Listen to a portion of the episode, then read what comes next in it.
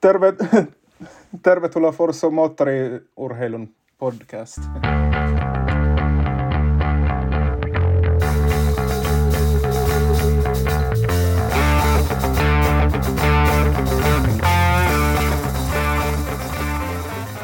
Ta den igen! På, vi kör för vår internationella lyssnare Jari Ravio. Nu ska du få en hälsning att du är välkommen till 184 avsnittet av Forza-podden.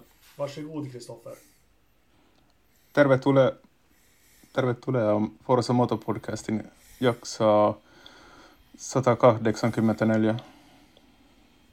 Ni ser mina vänner, eh, podden har blivit internationell igen. Eh, avsnitt, alla förstod vilket avsnitt det är. Idag har vi fyra stycken. Anders Lövström, Christian Ridderstolpe och Jakob Engmark. Och vi har en gäst och det är inte vem som helst. Det är faktiskt en Formel 1-journalist som har vänligheten att gästa oss idag. Välkommen Kristoffer Lindén. Ja, tackar, tackar. Eh, hur, hur börjar vi den här resan? Vem är du och varför är du med i podden? Ja, jag fick frågan av Joakim Deredand. Men... eh, Du menar han som inte är här? Ja, exakt. Ja, just det. Ja. Ja, han bjöd in mig för att komma här. Jag blev tydligen hans ersättare idag. Men... eh, Ja. Ja, jag, Pre- Precis just så. jag har jobbat som F1-skribent sedan eh, 2019. Så det här var min tredje säsong. Och eh, ja, jag har varit F1-intresserad hela livet. Men att det var... Jag fick kon- via kontakt helt enkelt fick jag möjligheten att skriva för en, en annan sporttidning. 2019 Ungens GP så var mitt första lopp jag var akkrediterad till. Och sen har det liksom rullat på i sakta mak på frilansbasis. Mm. Ja. Hur funkar det då när man ska akkreditera sig till ett eh, F1-lopp? Är det, du, liksom, du, du behöver ofta ha, du behöver ha en upp, uppdragsgivare va? Ja, exakt. Man akkrediterar sig via en eh, publication som det heter på deras akkrediteringshemsida. Och jag har ju gått, den här säsongen har jag gått via Vasabladet som är min nuvarande tidskrift och vi planerar att fortsätta nästa år. Och man ska ju liksom skicka in att man har kontinuerligt skrivit om Formel 1 innan man ens blir godkänd till den där portalen. Att först ska din, liksom, ditt, uh, din publication ska bli godkänd och sen kan du liksom söka race by race vilken tävling du vill åka på helt enkelt. Och sen tre veckor innan får du liksom svar om du blev godkänd eller, eller inte. För de har ju en kvot för alla lopp, hur många som blir akkrediterade per race. Ja, hur många är det som får komma varje lopp? Vet du det? Mm, i, det beror ju lite på på tävlingarna. I år har det varit väldigt begränsat. Det var ju först under hösten man öppnade upp för fler och fler. Men någon sa i, i Abu Dhabi att i Qatars GP var de 40 stycken och i Abu Dhabi var de 200. För att det var sista loppet Mm. bara. Så Mm. ja, Men eh, det känns väl som att det borde vara lättare att få akkreditering om du väl har åkt på ett par lopp. När du är i rullorna så att säga. exakt. Det är ju det som har hjälpt mig att jag har varit tidigare. Och, och en sak som också har hjälpt tror jag att när jag har haft liksom exklusiva one-on-one-intervjuer med Kimi Räikkönen och Valtteri Bottas i år. När jag liksom visar upp det så är det lite svårt att eh, ignorera mig. Mm. Ja, just det. Ja. Ja, det är väl inte som förr i världen. Då var det väl att sticka till en 100 miljoner till Bernie så hade man väl ett livstidsackreditering. Ja. Eh, Men jag tänker på hur har det funkat eh, med Zoom-lopp och sådana grejer? Eh, Eller, eller Zoom-lopp, men presskonferenser via Zoom. Är det, är det samma... eh, Är det på samma sätt där? Att man söker akkreditering när man inte är på plats så att säga? Ja, man eh, liksom måste ansöka för att få inloggningsuppgifter och det är ju främst de som är permanent akkrediterade som får de här inloggningsuppgifterna för att kunna ställa frågor och ja. Mm. Och för att bli permanent akkrediterad måste du vara på minst 14 lopp på en säsong. Så Mm. Sen tror jag om det kommer via ett tv-bolag så tror jag det är annorlunda men om det är en skrivande journalist så måste du vara på minst 14 tävlingar för att få permanent Ja. akkreditering. Och då får du för hela året så att säga, eller för säsongen. Ja, och sen permanent är ju som du kan åka, du Ja. slipper ansöka för skilt för varje tävling. För varje, för varje lopp, ja. Precis, Ja. precis, precis. Ja, Okej. Ja, för jag, jag, jag, jag, vi mässade ju lite grann när du var i Österrike där tidigare i år. Eh, och då, då satt du på läktaren va? Ja, det var ju en, en schysst kille där i gruppen som bjöd ut en biljett och min semester hade just börjat så jag tänkte att... eh, för jag hade, ett annat jobb, Ja, jag hade ett annat jobb just då så jag tänkte jag bokade liksom allting dagen före och åkte ner och kollade loppet. Så, Ja men precis. För, för det var någon som hade, för jag hade ju också bokat då 2020 Mm. och det, i och med att det blev inställt och ingen publik. Och sen, ja, mina biljetter de kom ju där till 2021 års lopp men han hade missat att eh, han hade liksom biljetter till 2021 år så han hade inte hört någonting. Jag vet inte var han hade bokat. Så att, det var ju rätt okej att få biljetter bara rätt upp och ner. Ja, tack igen. Jag, jag bjöd ut några biljetter åt honom senare under säsongen men det passade inte för honom men jag ska gott göra den gärningen ännu. Så, ja. Ja, okej. Hur, det hur, någonting? hur är hierarkin bland er F1-journalister? Är det, vilka är höjdarna? Nu har jag tappat alla namn på gamla autosport eh, eh, snubbarna och sånt. Men finns det en hierarki där också bland, bland journalisterna? Uh, ja, F1s egna journalister eller de liksom Lawrence Barrett och vad heter han, Will Buxton och, och vad heter han, Sam Collins, den tredje, han som kör mycket den här Ja. tech-showen. Så de, de får ju mycket lättare liksom förstahandsinformation från stall och förare. Sen finns det ju som du nämnde, det finns ju många av de här som har varit sen 80 och 90-talet som åker ännu på alla lopp. Ja, Joe, Joe Saver, det är ju en ja. som jag brukar följa med ganska Det är en bra. arg jävel känns det som. Joe säger väl. Är Ja, det så? han är ju, han är ju britt så ja, vad ska man förvänta sig? Men han Men vet ganska tänkte in- mycket. Men jag tänker innan vi går in på liksom hur det är att vara på plats. Har du några, eh, vi har ju pratat om det tidigare mm, ja, eh, poddar och så. Eh, jag själv, jag har ju sedan 30 år tillbaka tyckt om mycket att läsa Peter Windsor. Har, har, har du någon favorit eller förebild av, från journalister sådär? Som du har tyckt om? Eh, ja, det, han är ju en av dem som jag har följt med. Men uh, Joe Savard faktiskt tycker jag har Mm. ganska bra... Joe Savard tar ju mycket upp, upp den här liksom business-sidan av uh, Formel 1 och jag är ju Mm. intresserad av den också så det är kanske därför jag följer mycket med hans skriverier. Ja. Och det sen, tyst från Dieter Renken? Har han lagt av eller? nej, han är ju fortfarande Nej, där. det är inte tyst. Jaha. Ja, Han, är fakt- han, är, han var med där faktiskt i Abu Dhabi. Jag gillar honom. Han är ju halvt... Han är väl från Sydafrika? Eller? Ja, Sydafrika stämmer bra. Men han Han, han är... har väl också varit lite business-sidan sådär. Ja, exakt. Och sen finns det ju den här Scott Mitchell från The Race. Han bor i Stockholm nu förresten, så jag brukar träffa honom på Yes. flygplatsen alltid. när vi kommer från det. Ja, ja, ja, ja. Ja, vi hade ju med, vem var det från The Race? Usch vad jag skäms att jag inte... Eh, ja, det var deras eh, F3000-expert. Eh, han hette, han hette, jag kommer inte heller ihåg. ingen aning. Men Det här han, får vi men han, ring, men han, men han ringde ju in ifrån eh, från Storbritannien när han var Ja, med. ja. Så han satt ju inte i Stockholm. Ehm, sådär. Men det var, ju, det var ju väldigt trevligt. Det var ju när vi hade en, en gammal återblick i Formel 3 och Formel 3000. Nej, nu, nu skäms jag ögonhuvud men han är ju väldigt renommerad. Sam Smith. Sam Smith? Ja, just det. Just det. Så. Ja. Så var det. Och sen finns det ju... Ja, men eh, när- vi intervjuade Thomas eh, Danielsson. eh, Danielsson, ja, Ja. precis. Exakt. Sen finns det ju Mark Hughes som också hör till The Race. Han tycker jag är bra. Ja. Ja. Ja, han är bra. Ja, nej men The Race har gjort det bra. Sen kan väl jag... eh, nej, jag, jag tycker ingenting. Men de har gjort det bra. Uh, autosport är ju alltid autosport. Men autosport är inte vad det har varit. Eh, Så kan man väl komma. Men The Race kör ju hårt. De mycket, mycket de pushar ut artiklar och, och, och YouTube och, och grejer hela tiden. De försöker verkligen vara relevanta. Eh, Mm. Det jag kan sakna eh, mycket när vi pratar journalistik. Det är ja, men sådana Peter Winstor skrev i F1 Racing till exempel. Väldigt så här. Ni som följer fotboll, lite Simon Bank och Erik Niva fast om Formel 1. Var det en dum liknelse kanske? Ja, eftersom ingen här, är, åtminstone inte jag och Ridderstolpe, förstår ens vad du pratar om när det gäller fotboll. Men ändå, Fast det är jag, kanske jag, lys, Erik, en del Erik lyssnare Niva som känner förstår. jag igen. Hallå, hallå. Aha, ja, förlåt. jo, men jag känner igen gamla dåliga Aftonbladet-journalister. Eh, har man hört talas om alldeles för mycket. Jag tror det mest var hockey hos dig. Ja, det är det. Men herregud, man, Ja. kan, man kommer inte undan dessa Erik Niva. Jag Eh, försöker. Ja, jo, du lyckas tydligen. Ja, ja. Nej, men det, jag håller väl med. Det är väl, jag håller med i liknelsen. Det är inte Ja. dåligt.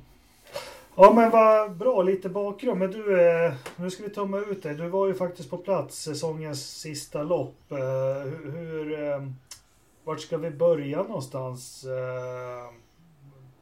Atmosfären och allting. Men eh, hur var det på plats att uppleva den här helgen och definitivt sista fem varven? Och hur gick snacket i mediacenter? Det är jag lite nyfiken på. Ja, det, det var ju spännande att vara på plats. Eh, Jag hängde mycket där med, med Sauber, och, för det var Kimi Räikkönens sista lopp, så det var ju ganska stor del av min uppgift att bevaka hans sista lopp. Och det var ju, Det blev ju lite kort ja, det blev lite för kort. Det var ju tråkigt att liksom jag hamnade ju springa ut ur mediacentret mitt i loppet och se en liten del av loppet medan Kimi Räikkönen skulle säga sina sista ord som inte blev så många i mediacentret. Så det var lite synd, jag hade inte full koll på vad som hände där. Just när Giovinazzi avbröt så tror jag stod i mediacentret och då gick de ju in i depån. Men sen när jag gick in tillbaka och just när den här säkerhetsbilden kom ut så, ja. De flesta liksom reagerar på det här. Vad var det de skrev? För vi har ju en mycket bättre överblick än vad alla andra ser i mediacentret så ser vi liksom den här live-timingen och race directors notes eller vad den kallas. Alla de här meddelandena som kommer ut. Och just den här None of the cars are not allowed to overtake, eller vad det stod. Mm. Och alla liksom reagerade, det här har ingen sett förr i princip, att vad är det här för nya skojerier? Liksom, varför ska ingen få, av de omkörda bilarna få köra om? Och sen mitt i allt så kom det ju att de här som var mittemellan Hamilton och Verstappen skulle släppas om. Och alla liksom bara, jaha, vad, varför gjorde ni det här? Så det blev ett, eh, ja, alla blev väldigt, majoriteten blev väldigt upprörda fast många var ju kul, tyckte det var kul att det blev ett sånt avslut. Men å andra sidan tyckte de att det blev liksom manipulerat att till Verstappens fördel faktiskt. Din uppfattning då, som sagt vi har ju pratat om det här i flera avsnitt men alltid intressant. Vad, vad känner du som Formel 1-fan och kanske som journalist då, om, om den avslutningen som blev? Ja, jag, mm, jag tyckte inte kanske det blev ett korrekt avslut om man säger så. Om, som jag, jag skrev en krönika efteråt att uh, Verstappen var ju kanske den bättre föraren över säsongen men att sättet han vann på var ju inte helt korrekt. Nej. Att, Nej eh, men det är väl den det är väl den känslan som fortfarande ligger kvar och som vi har pratat om. Och mm, jag återupprepar det. Den, den det här är värst för är ju faktiskt för mig, för Verstappen. Han har ju pratat om det här välförtjänt. Alltså han är en värdig VM-vinnare av Formel 1. Men man hade hoppats att han skulle få sluppa den här kontroversen runt titeln. mm. Det, men det är sista gången jag slår fast det nu. Jag, jag tycker vi har varit tydliga med det. Men Ja. vad, hände, vad hände sen efteråt? Du som var där i mediecentren. Alla bilar hade gått i mål och, och det var ju mycket protester och väldigt oklart. Hur, hur upplevde du hela den? Ja, jag, jag gick ju där och pratade lite med... Efter loppet gick jag och pratade med Mark Arnold, alltså Kimis tränare. Jag var ganska, blev ju ganska bra med kant med honom. För, liksom, han är ju lite motsatsen till Kimi. Han pratar ganska mycket Ja. och berättar om hans... eh, Liksom, ja, jag pratade lite vad de har för planer för nästa år och liksom vad han tror om Sauber nästa år och sånt. Så det var intressant. Men att på vägen ut där så såg jag det var liksom en, en hög med mediakår som pratade med en Red Bull-kille. Och han förklarade till, till dem då att eh, ja, de har en QC nu uppe, Mercedes, alltså den här superadvokaten som Mercedes hade med till loppet.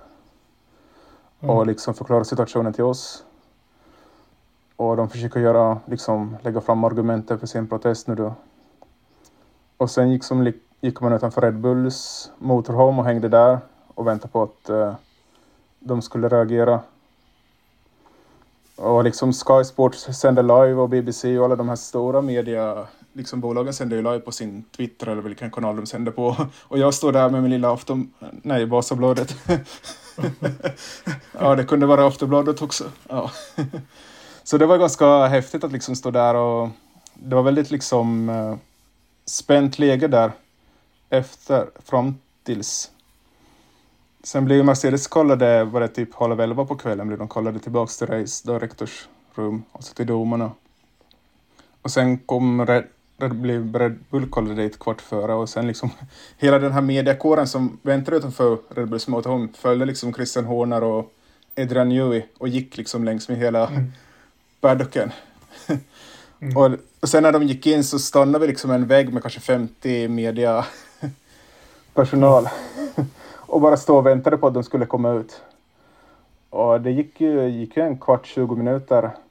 Och så först kom Mercedes-killarna Han det gå mycket rykten, han det gå mycket rykten då och spekulationer där på plats? Ja, faktiskt. Många börjar säga liksom att det låter som att Mercedes inte får igenom sin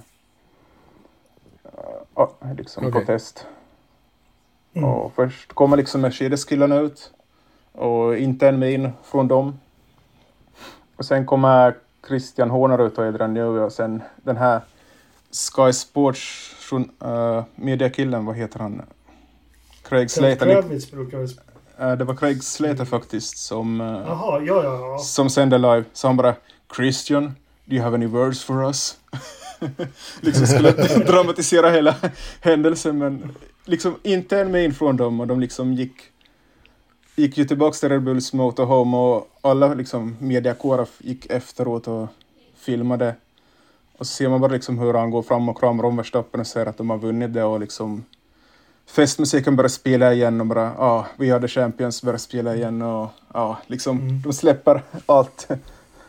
Så det var ganska... Det är, det är också, det är också det tråkiga med hela situationen, den här väntan. Men jag förstår att det måste varit bra pådrag där du befann dig. Men jag tänkte, du som var nere den här helgen, bortsett, vi har ju stött och blött det här loppet jättemycket. Vad, vad fick du för kontakter och fick du några nyheter? Och du sa Mark Arnold där hade berättat lite vad han trodde om Sauber och så. Vi, har du några hemligheter eller några icke-hemligheter att berätta för oss? Äh, liksom jag frågade Mark vad han ska göra nästa säsong och han sa ju att han har fått lite intressen att lämna F1-depån. Men att det var öppet ännu. Och jag tror det beror på vad Kimi kommer göra för att han... Äh, han var ju liksom med med Kimi när han körde rally de där två åren när han var mm. bort från F1. Så det verkar som att han har, håller dörren öppen för Kimis fortsatta karriär när det nu blir. Vad tror man i Finland att Kimi kommer hitta på då? Ja, han kommer väl nog hoppa in på något rally ska jag gissa. Liksom Jyväskylä-rolligt kanske. Mm. Men, men, inte, men inte liksom heltid. Mm. Utan bara något, något, något här och där eller? Ja exakt liksom för att, eh, för att det är kul. Själv tror jag mycket på det här liksom Hypercar som Ferrari ska med i Le Mans. Mm. Hypercar som kommer 2023. Där... Tror du att det är något för Kimi verkligen? Ja, ja men han, det var ju vi, vi var det som jag sa, jag rekommenderar alla att lyssna på Motorsports senaste podcast där Kim är väldigt öppenhjärtig om sin karriär. Jag vet inte om det var i den eller om det var Beyond the Grid där han berättade hur nära han var en Le Mans-körning när han eh, hade det här eh, sabbatsåren från Formel 1. Kommer inte ihåg om det var person på testkörde för då? Jo, person testkörde han för. Ja, och han var väl väldigt lockad av det som jag förstår. Mm. Så jag ser det inte som någon så... omöjlighet att han går dit. Mm. Uh, Nej, kanske blir så. Ja. Är, han, må, tror... han, måste få okej okay från Mintu. ja, det är klart. Ja, ja. Men det är väl klart att är, att köra en sån där serie är ju inte samma engagemang som om man vill fortsätta liksom att köra bil på hög nivå så är det ju inte samma engagemang som att köra en hel Formel 1-säsong. Speciellt inte när, de ska, när det är 23 lopp. Liksom. Eh, och köra växtserien där, det kan nog passa Kimi kanske eh, lite bättre just tidsmässigt. Men jag har alltid varit tveksam till om, om, om han vill fortsätta köra bil efter F1-karriären, men eh, ja, det är möjligt. Ja, han älskar ju att köra bil och crossa. Jag tror där han är i sin karriär, han skulle... Han är ju inte den här sylvassa, hypersnabba som han var 2005-2006 där, men liksom långstinta lite i ett Le Mans-lopp tror jag skulle passa honom perfekt. Ja, mm. det tror jag, jag, jag tror det också. Liksom. Mm. Hur, hur många race om året är väck? Det är ju inte jättemånga. Uh, alltså det är ju ett lopp att räkna med. Jag kommer faktiskt inte ihåg kal hur, hur kalendern ser Ka ut nu. Kan det vara 68 men, eller något sånt? Ja, men ungefär. Ja, det är inte, det är inte jättemånga. Nej. De har ju utökat den där kalendern också, men det är ju, det är ju ett lopp vi alla ja, pratar ja. om. Absolut, det är ju ett, men, liksom, ett lopp på sex, kalendern sex, som... 6, 7, 8 lopp. Jag tror att det passar honom perfekt ett par mm. år till. Liksom. Han, han kan nog eh, köra det med, med gott resultat i två, tre, fyra år. Eh, liksom utan att skämmas. Mm. Men eh, du Kristoffer, vad, vad, ska jag säga? Övrigt snack inifrån eh, Alfa Romeo då, eller Sauber, vad, vad säger de? Eh, alltså, man kan ju lugnt säga att alltså det har ju inte riktigt gått som man har tänkt sig. Det går ju inte sådär jättebra och man ser ändå inte liksom de här framstegen som eh, kanske syntes tidigare då när, när han fick en pengainjektion när, när, när, när Tetra Pak höll jag på att säga, när Finn köpte stallet. Medan nu då så har det varit ute till försäljning och jag tyckte det har stagnerat väldigt ja, mycket. Men otroligt blekt alltså. De eh, gick ju från 17 som var ett mardrömsår, inga pengar, så fick de en injektion där när de blev Alfa Romeo. Och Leclerc och Marcus körde ju bra 18, men sen har det ju ja, stagnerat nästan, gått neråt. Så jätteintresserad att höra om, ja, om du fick veta något vad de, hur de ser på framtiden. Ja, ett problem är att de tog ju aldrig i bruk Ferraris senaste motorspec i år heller. Så det var ju en liten de har ju i princip inte satsat något på årets bil och, och Mark trodde i alla fall att vad han har hört om nästa års bil så fast det kommer liksom nya regler om de får in nya Ferrari-motorn så tror han de har svårt att göra liksom samma hopp som McLaren har lyckats med. Att uh, de kanske, det är liksom för många som är bättre i vägen helt enkelt så det, fast de gör ett steg framåt så kanske det inte är tillräckligt. Ja. Tillräckligt stort steg framåt. Men, men, eh, om man säger så att, eh, vet du varför de inte tog den nya Ferrari-motorn? Nej, inte fått svar på det faktiskt. För jag menar, pengar borde egentligen inte vara liksom det största problemet. Mm. Det är, visst, det, det, kan ju vara så att man, eh, man gjorde en has helt enkelt och satsade allt på nästa års bil. Då. Ja, det är den infon jag har fått från dem i alla fall. Att... Mm. Fast ändå känns det också lite blekt med tanke på det de startade 2018 och sen signera Kimmy fast han är på nedgång så är även det, det är en markör någonstans. Ja. Eh, så jag är lite besviken är jag på Freddy Vassör hur han har, hur han har misslyckats med att liksom jag tycker man, man ska kunna jämföra dem med Alfa Tauri på något vis. Ja. Fast, det, fast det är ju tvärtom. Alfa Tauri har ju gått uppåt. Ja, jo precis. Men jag eh. tycker att man ska... Det var det jag menade. Att ja. de ska kunna ha gjort samma, samma ja, resa. Man ska kunna ställa det kravet. Men det är obemärkt förbi. Jag vet inte. Valtteri har du hunnit prata någonting med honom. Hur han känner inför... Ja, dels att han inte får kört kvar i Merca och hur han känner inför nästa säsong.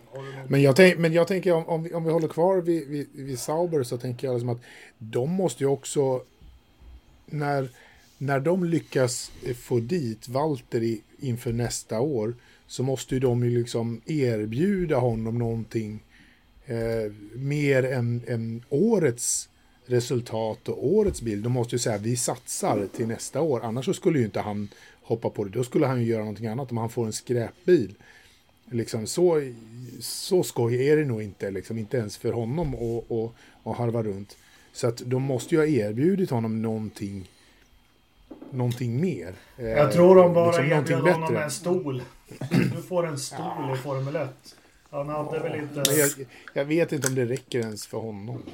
Eller, det, det gick ju, vad säger du, Kristoffer? Det gick ju rykten i finsk media här uh, i samband med Abu Dhabis GP att uh, hans farsa hade sagt att det kom ett erbjudande någon dag efter att han sa med Alfa Romeo att ett stall som var högre placerat på griden och tog liksom mer poäng än Sauber senaste året. Men jag vet inte vilket stall det skulle kunna vara faktiskt.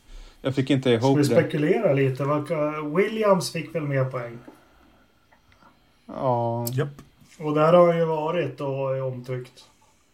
Ja, japp. det skulle väl vara det. Alltså någon, någon annanstans. Ja, svårt Ja. att se vad skulle... Nej, vad, vad, det finns ju inte liksom. Eh, McLaren är ju otänkbart, Ferrari är otänkbart, Red Bull är otänkbart, Alfa Tauri. mm. Ah, ja, ja, ja, Ja. det är väl det liksom. Men det, det känns lite långsökt. Fast i och ja, för sig, de gjorde ju klart rätt sent med Sunoda väl? Nej, det gjorde de inte. Nej, fel av mig. Ja. det skulle ju vara Men typ... äh, Valtteri, eh, ha- har du någon kontakt med honom så prata med honom hur, hur han ser an på framtiden? Ja, jag har hans telefonnummer så jag kan alltid skicka och fråga. Ja, Skicka honom ett sms nu och fråga så här, du eh, förresten, hur, hur känns det för nästa år? Ja. ja men han säger ju mest bara det här att liksom det är, ny, det är en annan utmaning. Mm. Han vill ju inte... Ja, vad ska han säga liksom? Ja, exakt. Det är ju svårt att veta när, för han har satt liksom kört bilen på riktigt. men eh, hur är han som människa? Vi, ibland är ju vi lite trötta på honom i podden här att vi kan tycka att han är lite mjuk i race-situationer och, och, och lite sådär men eh, hur, vad skulle du säga om honom som förare och person? Han är väldigt liksom eh, plikttrogen och schysst om man säger så. Att liksom när man stöter på honom i, i depån så han stannar alltid och pratar med en om man liksom försöker få kontakt med honom. Många andra förare liksom ignorerar ju en. Men han är faktiskt en som tar sig tid och pratar med alla som vill ha någonting och ja.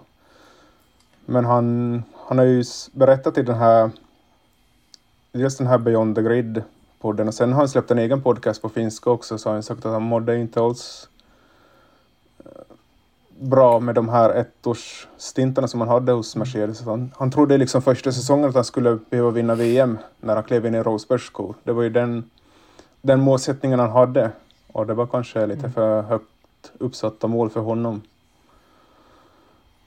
Och eh, ja. Men, Men det eh, blir ju till, det blir ju till eftervärlden att värdera honom och vi får ju vi får ju aldrig glömma vem han har kört emot senaste fem åren. Liksom. Och Lewis Hamilton är ju inte lite bättre än alla. Alltså det är den bästa vi har haft någonsin. Och, men som jag har förstått det från utsidan så har han varit otroligt uppskattad i Mercedes och av Lewis. Och han och Lewis har haft ett väldigt bra samarbete.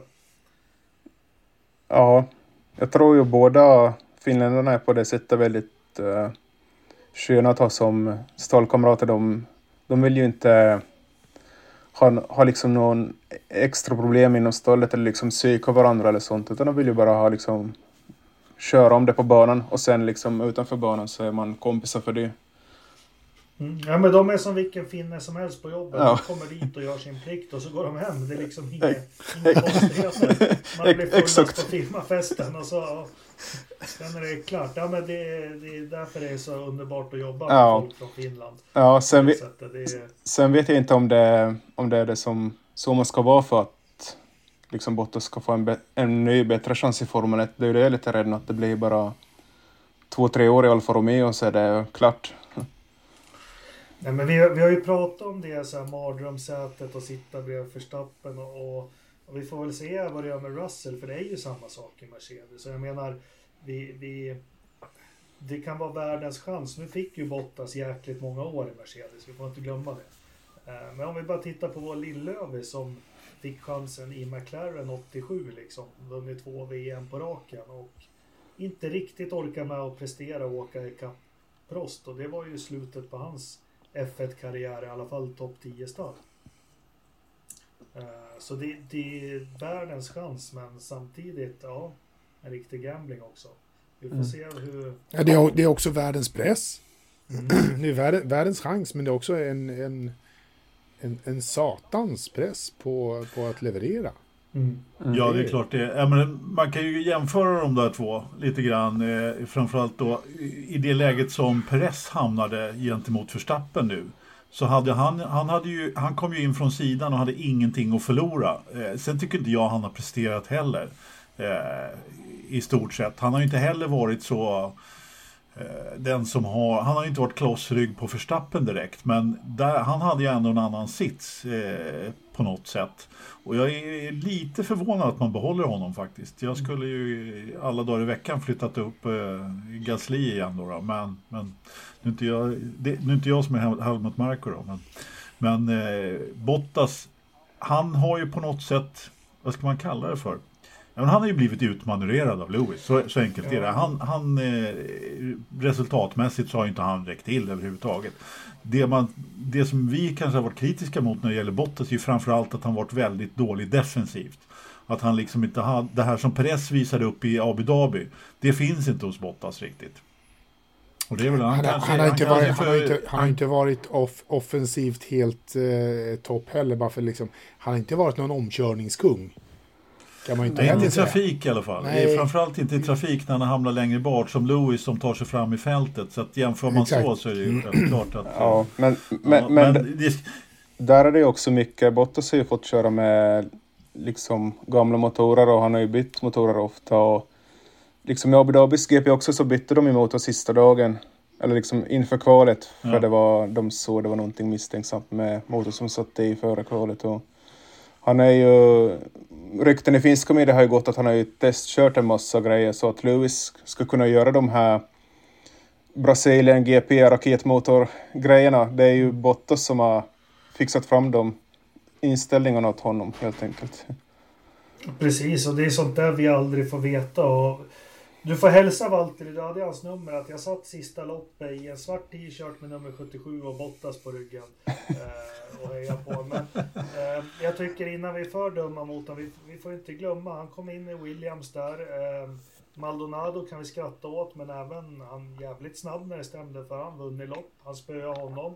Eh, Massa är ju helt otroligt högt rankad hos en del, men ändå han har varit där, han har vunnit lopp, han har slagit som VM och Eh, Bottas gjorde ju processen ganska kort med honom 2014, 15, 16 får man väl ändå säga. Körde snabbare än honom. Sen gör han en bra debutsäsong måste jag säga 2017 eh, i Mercedes. Han eh, tar pallplatser och vinner första loppet i Sochi för mig. Sen så börjar det spricka lite i fasaden och men som du säger, vi vet ju inte alls hur det har varit i stallet och vad han har kört med för grejer. Men 2018 är ju inget bra år. 2019 vinner han första loppet och börjar placera sig och kanske börjar tro på en framgång men sen blir det mjukt och så. Men Uh, nej, jag, jag, skulle inte säga att han är kattpiss. Det, är, det är en mycket kompetent förare som jag inte skulle ha något problem att anställa om jag hade ett Formel 1-team. Nej men det är bra att du drog eh, Williams-åren där, för det är trots allt där som han gör, där gör han ju inget dåligt jobb, verkligen inte. Och, och, och är en riktig tillgång för stallet och just därför så skulle jag ju gärna se att han studsar tillbaka i Alfa Romeo. Eh, nu får han ju ett oprövat kort då att köra emot så att det kan ju vara lite svårt att se eh, jämföra mot eh, Guan Cho då men eh, det hade ju varit enklare kanske om han hade haft någon men ah, det är ju fortfarande så, han kan ju det finns ju ingen chans i helsike att eh, Guan Cho ska kunna slå Valtteri Bottas i en eh, Alfa Romeo. Nej. Det finns ju egentligen inte på världskartan så. Nej, då jävlar. Men låt det, oss... Det får inte ske. Ja. Som en del har sagt, det, vi rankar han högre än Heikki Kovalainen i alla fall. He, ja, ja. Hördu, Heikki var faktiskt i Abu Dhabi också. Det var ganska kul. Hur, hur mår ja. Heikki? Det är väl också en trevlig ja. grabb? Han är... jag, såg, jag såg en bild på, bild på honom och frugan tror jag var det var. Ja. Som... Eh, som önskade god jul. De såg ut att ha det väldigt trevligt. Ja, Kallt ser de ut att ha det i alla fall. Han är ju kortare i verkligheten Heiken än vad jag trodde. Men mm. han var inbjuden... Kan man bli kortare än man tror? ja. Man, han var inbjuden gäst hos uh, Aston Martin. Faktiskt. Oj, ja, ja mm. av allihop. Jag vet inte hur. Men, men uh, säkert någon bekant där från tidigare. Men, höll inte han på med någon eh, förarscouting i Ryssland eller någonting i den stilen förut? Man kör väl i Japan också, GT mycket. Ja, han har ju haft mycket framgångar i Japan i alla fall. Ja. Jag fick för mig att han höll på med någon annan affärskollega, någon, någon scouting där i, i, med något företag i Ryssland. Men ja, det kanske var något. Eller blandade med Mika Nej, Salo. men sen... Ja, Ja, just det. Det var Salo, förlåt. Så var det. men Så för var att avsluta. Bottas där med förstå, det är likadant som går upp mot Verstappen. Jag minns ju Gerhard Berger var väl otroligt lovande när han kom till McLaren. Alltså, det var ju ett framtidsnamn. Eh, Men han har ju berättat långt i efterhand att han första testkörningen i stort sett ihop med Senna så fattade han att det är ingen idé. Nej. Det är ingen idé att försöka. Jag, jag, nu kör jag in så mycket pengar jag kan och någon seger här och där. Ja. Så så är det med det. Ja men eh, vad kul. Jag tänkte, har du några andra nyheter? Det, det är ju lite rykten och så i Formel 1. Och det, det som det pratas mest om nu, nu får man säga att det är gossip eller inte, men det är Lewis Hamiltons icke-vara, eller vara i Formel 1 nästa år. Vad, vad säger vi där? Vad har du hört från journalisthåll? Uh, vad jag har hört så är väl att han, han har en liten social media-paus just nu. Han har ju slutat följa alla på Instagram och det var hans bror som har en någon Twitch-kanal så det var ju någon som hade frågat där liksom vad hände med hans Instagram. Men brorsan hans sa ju bara att eh, ja, han har en liten break från social media just nu och han gick ju det var ju strax efter söndagens lopp där efter målgången som han inte la, har publicerat någonting alls. Så jag tror det är mest bara en mental reset inför nästa säsong, att han kommer komma tillbaks. Och det, det har jag hört från andra också, att han liksom nollar det här året nu och sen så kör han på nytt nästa år. Kommer tillbaks och försöker vinna. Bernie brukar ju få rätt. Han, Nej, nej, nej, Jakob. Nu, nu, nu refererar du dessutom till, till Aftonbladet och säger att därifrån så säger du att jo, då säger du dessutom att Bernie får rätt eftersom Aftonbladet säger att Bernie säger att Jag eh, lä, Lewis läste det i slutar. brittisk media. Men jag såg även det Aftonbladet och eh, Bernie uttalade sig långt innan eh, artikeln i Aftonbladet kom. Men Ja. eh, i alla fall så har Bernie alltid förut fått rätt, eller hur Anders? Bernie har alltid rätt. Nej, Det har, det har han visst. Även om han har fel, Ja. om han någon gång har fel som han hade en gång i, ty, i tysk domstol, Ja. då betalar han 300 miljoner dollar och Ja. sen så får han rätt. så får han rätt ändå. Nej, Nej, då, men jag då, får tänker- han, då, får han, får han tystnad. Det är vad han får. Jag tänker, Till vi ska, väl 300. inte, vi ska väl inte larva oss, men det, det du säger också, det eh, som jag har sett. Han har dels ja, han har tagit en paus från sociala medier och det får man väl göra. Det är väl inget konstigt. Han har börjat avfölja sina samarbetspartner åt, sitt eget stall och Toto Wolf är orolig. Eh, det jag kan liksom antingen är är det ingenting där eller så är det bara jävligt larvigt med martyrskap. För jag tänker så här att alla andra dagar så är still the rise. You can do it man. Everybody can do it. Eh, you're wonderful. Det här kommunicera med fansen, det har ju liksom varit viktigast. Eh, det han gör mot sina fans nu tycker jag är svekfullt ska vi inte säga, men det är inte snyggt. Men, men, men, men. 25 25 Nej. miljoner personer som följer honom. Ja, visst, absolut. Men han har inte gjort någonting mot sina fans. Han har avföljt, han, han har liksom så här klickat bort de han har följt. Han har inte stängt ner sitt konto så att när han skriver någonting så kommer han fortfarande att skriva till sina 26 men- men miljoner det- fans det- på Instagram. Det, Så att- det jag menar, han har inte sagt ett ljud till sina fans på tre veckor. Inte hej jag mår bå, hej jag mår dåligt, hej jag tar en paus. But that's okay, liksom. Det, det får man, man får ta en paus och, och det det Kristoffer säger låter ju rimligt. Det, Eh, Jag, nu, nu nollställer vi, nu kör vi en reset. Jag, jag behöver inte eh, liksom sitta och, och köra Instagram lika mycket nu. nu. Nu tar jag en paus och bara bryr mig om mig själv och laddar om för nästa år. Men tycker du inte man kan eh, ta 10 sekunder och skriva det till de 25 miljoner följarna? Och bara, Nej, ta en liten men varför paus det? då, Anders. Ja men så här, jag, jag känner bara så här. Om jag tar en sociala mediepaus, Då, då inte fan ingen- raderar jag allting. Utan jag lägger bort telefonjäveln eller raderar appen då, då. Och så nästa gång jag loggar in så är väl kanske någon följare kvar. Så, så blockar jag dig Jakob. Så är det lugnt en stund. Jag menar, alltså hur svårt kan det vara? Istället för att börja avfölja folk och börja starta. Jag vet inte, men vi är alla lite olika drama queens. Så är det ju. Vad säger du Kristoffer? Det är inte första gången han har gjort sånt här. Det är ju, för något år sedan så slaktade han sitt Instagramkonto och raderade varenda bild han hade lagt upp. Så det är kanske Ja, hans men var det sätt att liksom... den här när han hade gjort bort sig med den här systersonen? Precis, han klagar på, eller han hade retat den för att han, han vill ha klänning. Ja. ja. Nej, men han ska inte dra. Men jag tycker det är ett Han har rätt att göra vad han vill. Men jag tycker det... Eh, finns det något bakom? Okej, annars är det bara jävligt barnsligt. Eh, tycker jag dels. Som Anders säger, vill man ta en paus då tar man bara bort appen. Man behöver inte börja avfölja. Så tycker jag att han är ju så noggrann med fansen. Det är hans allt. Då kan man faktiskt meddela sig att jag mår bra. Nu åker jag till ett ställe där det inte finns täckning. Vi hörs när vi hörs. Ja, det, det håller jag med om. Han, han visas ju faktiskt efter Abu Dhabi då när han blev eh, adlad då, då men eh, då snackar han ju kanske inte med, med pressen utan bara med prins Charles då. Sen, Det är väl det enda han har gjort egentligen va? Ja. Eller? Efter det, precis.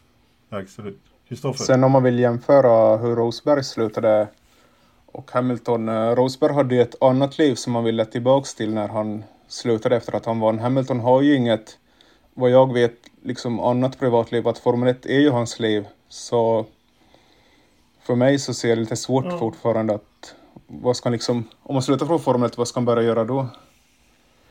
Nej, men det, det har vi pratat om också. Han känns ju, fast han har mycket på gång och spelar musik och rita kläder och allting så bara något från så här, en killgissning, en spekulation. Men jag upplever honom som jävligt vilsen om han inte skulle ha Formel 1. Och inte ha Instagram också. Eller hur? De, de, två stora, de två stora sakerna i Lewis Hamiltons liv, Instagram och, och Formel 1. Nej, alltså han, han har ju eh, massor av intressen, eh, andra intressen också. Att han, inte, att han inte borde vara en heltidsmusiker, det kanske vi kan, kan komma överens om lite snabbt sådär. Men, men han har ju eh, andra saker att, att spendera tid på. Som jag tror Vadå? att han, han kommer att spendera tid på. Han kan väl spela, han kan väl spela en skiva tillsammans med Jacques Villeneuve och, och, och Kenny Bräck. Ja, han, då, han får jätte...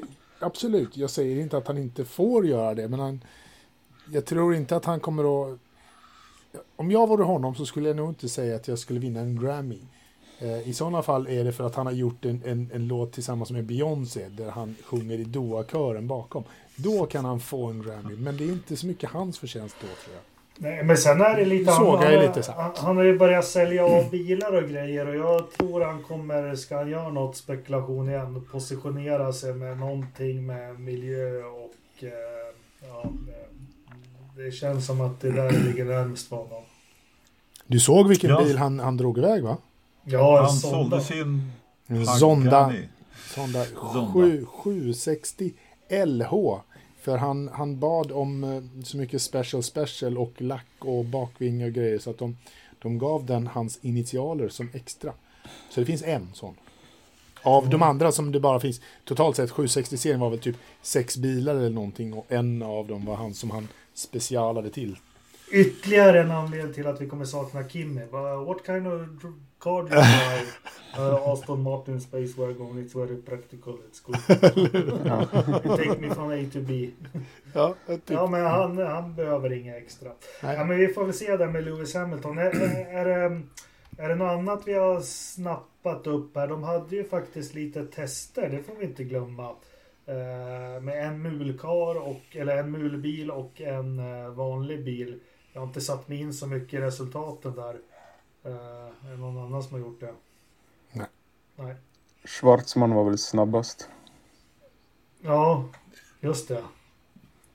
Ja, alltså det var ju faktiskt lite nya förare som körde där. Det, det, det Pato bland annat då också. Ja. Schwartzman vet jag inte, han har väl testat förut men eh, det är väl klart, om du kommer in som ny eh, Schwartzman, han, han behöver nog visa att han är snabb eftersom han inte tog någon titel i F2. Så att han, han behöver förmodligen varvtider. Jag misstänker att det är därför som han toppar listan.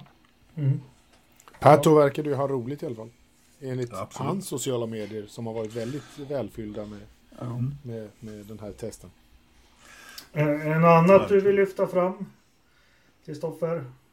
Från F1-världen? Ja, det är ju Ferraris nya kryptopartner som kom ut idag. Heter de Vel Mm. Velos, eller? Tror jag. Velas hette de, blockchain-företag. Så nu har de också en kryptovän. Det är ju Red Bull, Mercedes, McLaren har ju en redan. Så det var väl på tiden att Ferrari fick en också. Så det, det du vill säga är att alltså, man är inget eh, topp F1-stall om man inte har en egen kryptovaluta. Ja, ungefär så. Precis. Ja. Fan, hur, hur, hur kommer det bli? Jag tänker, vi hade ju tobak och vi hade sprit och grejer. Det förbjöds. Uh, oljebolag. Krypto, är det, är det rumsrent?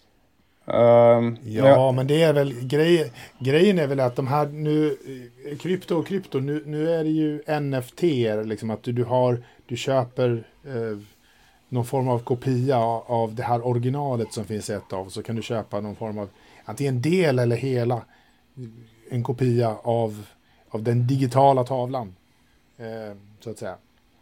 Och det är väl det som, som Vela håller på eh, håller på med som kallade NFT. -er. De håller inte på med kryptovaluta eh, på det Nej, sättet. jag med. Blockchain Company. Det jag, jag kan ju berätta om jag träffade en vän här som jobbar som broker på ett liksom kopplar ihop sponsorer och F1-stall så de hade ju hittat en, en annan partner till Ferrari här tidigare. En kinesisk kryptovaluta, det är någon 30-åring som är typ rikaste 30-åringen i världen som har ett eget blockchain-företag. Och det är liksom en tradingplattform för kryptovalutor är deras företagsidé. Och det här kontraktet var värt eh, 30 miljoner gånger tre år, alltså 90 miljoner totalt för Ferrari sponsorpengar. Och det var liksom signat eller allting var liksom klart pappersmässigt och sånt och de skulle liksom signa förra helgen inför Abu Dhabi och, och de skulle ner liksom lägga det liksom officiellt i media då i, i samband med Abu Dhabis GP men att det föll på att den här ägaren då liksom hade ja, ändrat åsikt och skippat att signa det här dealen för Ferrari. Så... Ja. Och, Det var han Okej. och, och inte Ferrari som satte, satte ramarna med andra ord. Exakt. Men, men jag, vet, jag vet en sak om honom. Vet du hur han blev världens rikaste 30-åring? Faktiskt inte. Lövström fyllde 31. Nej, men en annan, du pratade om det att du är lite intresserad av business-sajten. Jag måste dra Ja. mig till minnes. Var det 2014 som McLaren blev av med Vodafone som... Eh, ja men det var ju mycket tydligare förr. Det var Vodafone McLaren eller West McLaren, Marlboro McLaren och, Mm. och så. Och då, jag kommer ihåg Ron Dennis sa då och Nej men tiden att ha en sån här stor titelsponsor är över. Och jag tänkte det där säger ju han bara för att han är dålig förlorare. Men när man tittar nu, ack så rätt han hade ändå. Och, och är det någon, han har ju varit med i businessen länge, men Zac Brown, han är jätteduktig på att få in nya spännande varumärken hela tiden. Och jag upplever mer och mer att det är, ja, Red Bull är ju Red Bull. Eh, Ferrari berättade att du kommer ha Santander igen, men det, det börjar bli mindre och mindre liksom huvudsponsorer. Håller ni med mig? Ja, McLaren vill ju... McLaren lyfter ju alltid fram att de har ju mest sponsorer av alla i, i Formel 1. Mm. Ja. Sen vet man inte hur mycket Ja. som är barter av det också, att det står Dell på bilen. Ja, de får några tusen laptops och, och, och grejer. Det, det vet man ju inte, men eh, jag känner att som det var på 70, 80, 90-talet är det inte längre. Nej, men det är det ju inte. Alltså, det, dessutom ska man ju tänka på att det är ganska mycket mer pengar i omlopp eh, idag också. På, på det sättet. Det, precis som du säger, bara för att det är, står en liten eh, logga där nere. Så, men jag kan nog säga så här att eh, om du har en logga på McLaren-bilen, då får du nog betala för den. Zack, han är inte den som inte tar betalt om vi säger så. Och som jag har förstått det, alltså jag är fascinerad utav hur Zac Brown har jobbat in McLaren Oh. överhuvudtaget just på den finansiella biten. Jag menar, han har ju inte jättemycket att göra med den sportsliga biten som han ju lämnar helt och hållet till Andreas Seidel. Eh, Men just, det ska man inte glömma, att det Zac Brown jobbade med innan han blev stallchef i McLaren, jo, det var han som skrev då de här Rolex och Heineken-kontrakten med Formel 1 och eh, hela det kittet. Sen Så att var han väl innan det var han väl broker också. Att man gick till honom om man ville ha en stor sponsor så fixade han det. Mm. Ja men precis, och det var det han gjorde åt Formel 1. Så det, det var ju liksom, eh, eh, det var ju hans eh, karriär där. Men det är intress- han hade ju förmodligen gjort mycket, mycket mer pengar på det än han någonsin gör som stallchef i McLaren. Nu, Liksom. nu vet vi ju inte McLaren, det har inte kommit några nyheter, men de börjar ju sälja pokaler och hyra ut gamla bilar och, och inteckna fastigheten och allting, så vi vet ju inte. Men jag håller med dig. Det lilla jag vet, jag tycker han gör något jäkligt intressant och han positionerar sig också in i Amerika via Indycar. Eh, jag tror han har tänkt till lite mer än vad de andra stallen har gjort på, alltså på det globala. Alla säger att. USA är så otroligt viktigt, men det är faktiskt ingen som gör någonting där förutom han. Kristoffer? Man måste ju tänka på också idag när du har, ska ha in en sponsor så det måste finnas liksom en det är ju mer än bara logon på bilen, det måste finnas något mer för sponsorn, en orsak till att komma in också. Det är förr så var det liksom snyggt med en tobakslogo och det liksom räckte, men att idag så vill ju liksom en sponsor, de vill ju liksom kunna erbjuda och få tillbaka mycket mer än bara en logo på bilen. Jo men så är det ju. Det är inte bara en klisterlapp nu för tiden. Eh, Fast ibland undrar jag, vad fan vill, vill Husky? Vill de, ska de sälja Varm O'boy i, i, i Vietnam? Eller? Nej, men, Nej, det kan man, det kan man ju fråga sig. Men, jag, men, men, men kolla liksom, var det Gulf körde ett race med McLaren. Mm. De, de måste ju fått jättemycket reklam, eh, liksom, eh, tid. Inte pengar, men tid Mm. av det när McLaren har, har eh, återupprepat den här körningen om och om igen över året. Och där Gulf också har liksom kunnat eh, mergea ut det där utan att det kostade Gulf eh, liksom eh, så sjukt mycket som, som det skulle ha kostat. Eh, egentligen, jag tror att de fick jättemycket eh, pengar och, och liksom tid tillbaka på det. Jag tror vi kommer få se fler av sådana där one-offs med sponsorer. Ja, det är nog inte helt otroligt. Jag håller med. Jag men, håller men med där, där har vi några som sitter i skiten. Vi har Ferrari, Aston Martin, vi har Red Ja. Bull. De, de sitter ju... Nej, inte Aston. Mar- Aston Martin kör ju, kommer ju kö- kunna köra Bond-grejer. Fast han dog ju! Vad fan, jag såg filmen förra veckan. Han dog! Har ni sett det? Nej, jag har inte Han sett den, men jag dog! behöver ju inte se den nu längre. Nej. Men Okej. Nej, du behöver inte säga han dog. På riktigt, han dog. Ja, det var på, James okej, det var på film. Det var på film. Han, Ja, men han har ju kom- precis det, fått det, en dotter. Och så dör han. Och där fick du nästa film. Ja, Ja, alltså, just det. Chubby Broccoli, han roterar i sin grav. Chubby. Alltså, jag, det har, jag har inte sett en Bond-film sedan Timothy Dalton slutade. Eller Sean Connery, höll jag på att säga. Men skitsamma. Mm. Vi kan inte ha den här diskussionen utan att prata om Rich Energy. Ja. Nej men bara, ja, han ska ju in någonstans. Vart ska Ja, men han ska ju in... Det är nästa år, eller hur? Mm. Han Ja. sa väl det, nästa år ska Ja. finnas på griden igen. Ja. Jajamän. Med Haas, Men vad- vad? Fan. Jag träffade ju honom där i depån Nej! för säsongstesterna. Nu? Nej, för liksom 2019 först. Menar jag. Inte, Ja, inte nu. jag trodde du träffade honom nu i Abu Dhabi. Ja. bara! Nej, det skulle vara något om jag skulle sett honom faktiskt. Men, eh, ja. nej, nej, men jag, bara pratade lite med honom och sa att liksom, drycken var god och ja, han sa thanks. Det var Nej. liksom det.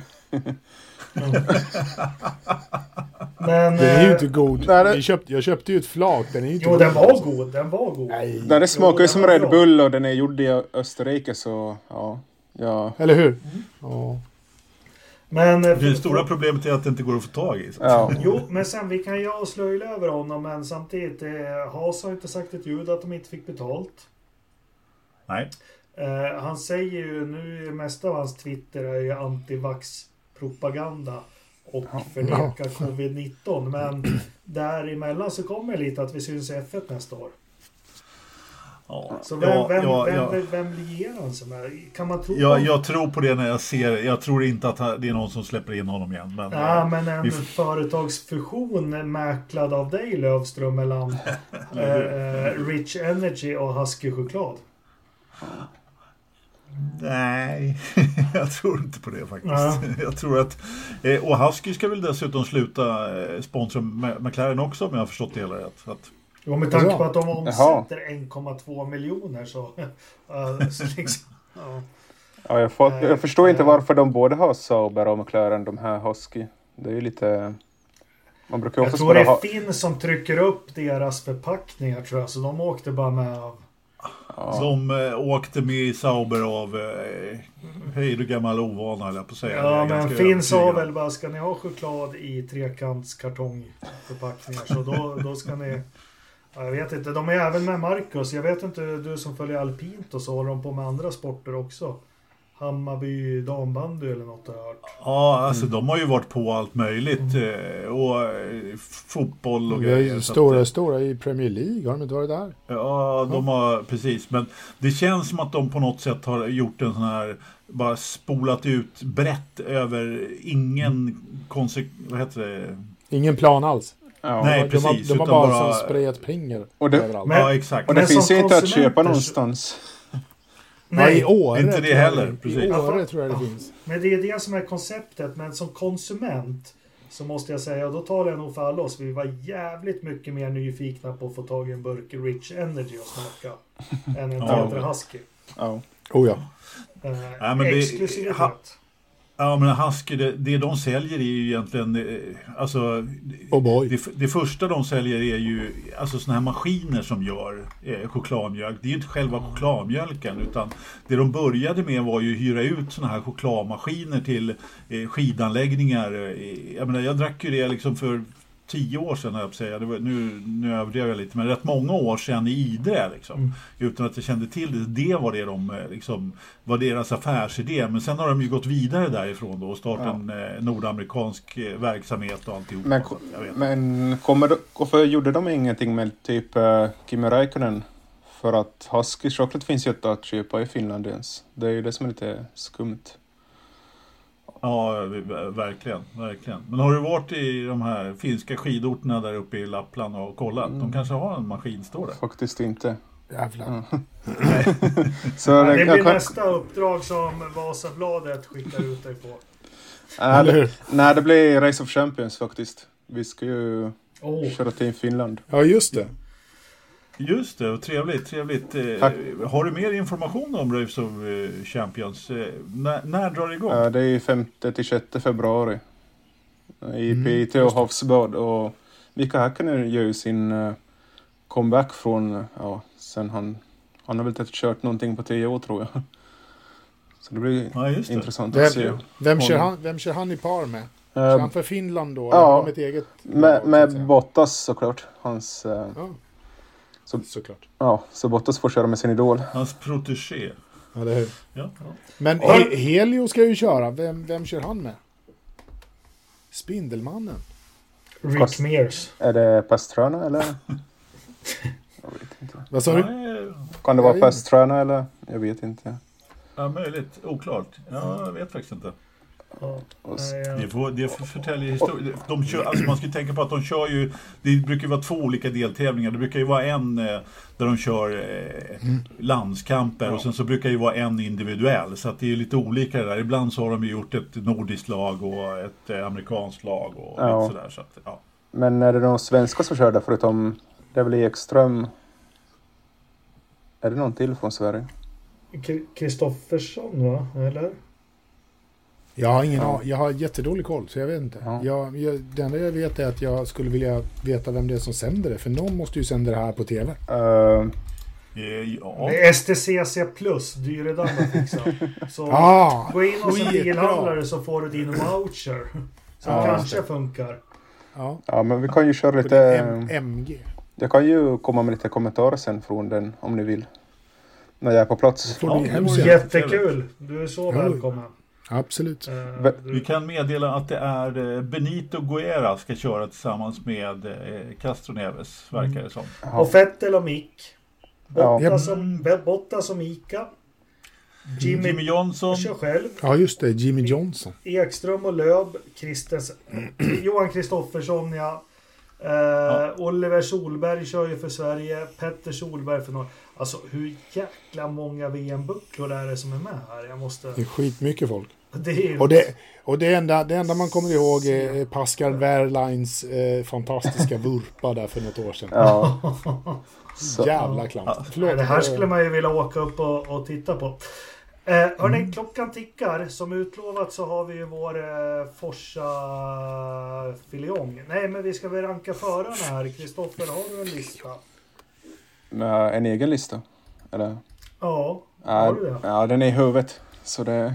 Ja, men vad bra. Då får du ta den. För det är nämligen så här, vi sa ju sist att vi, vi brukar vid säsongsluten brukar vi poddare ranka topp 10 förarprestationer med en liten kommentar. Men i år så la vi även ut en, en fråga, ett Google-formulär som inte blev vad det var tänkt att vara. Det saknades två namn. Vilka var det? Giovinazzi och Mazepin. Ja, Kubica. ja, precis.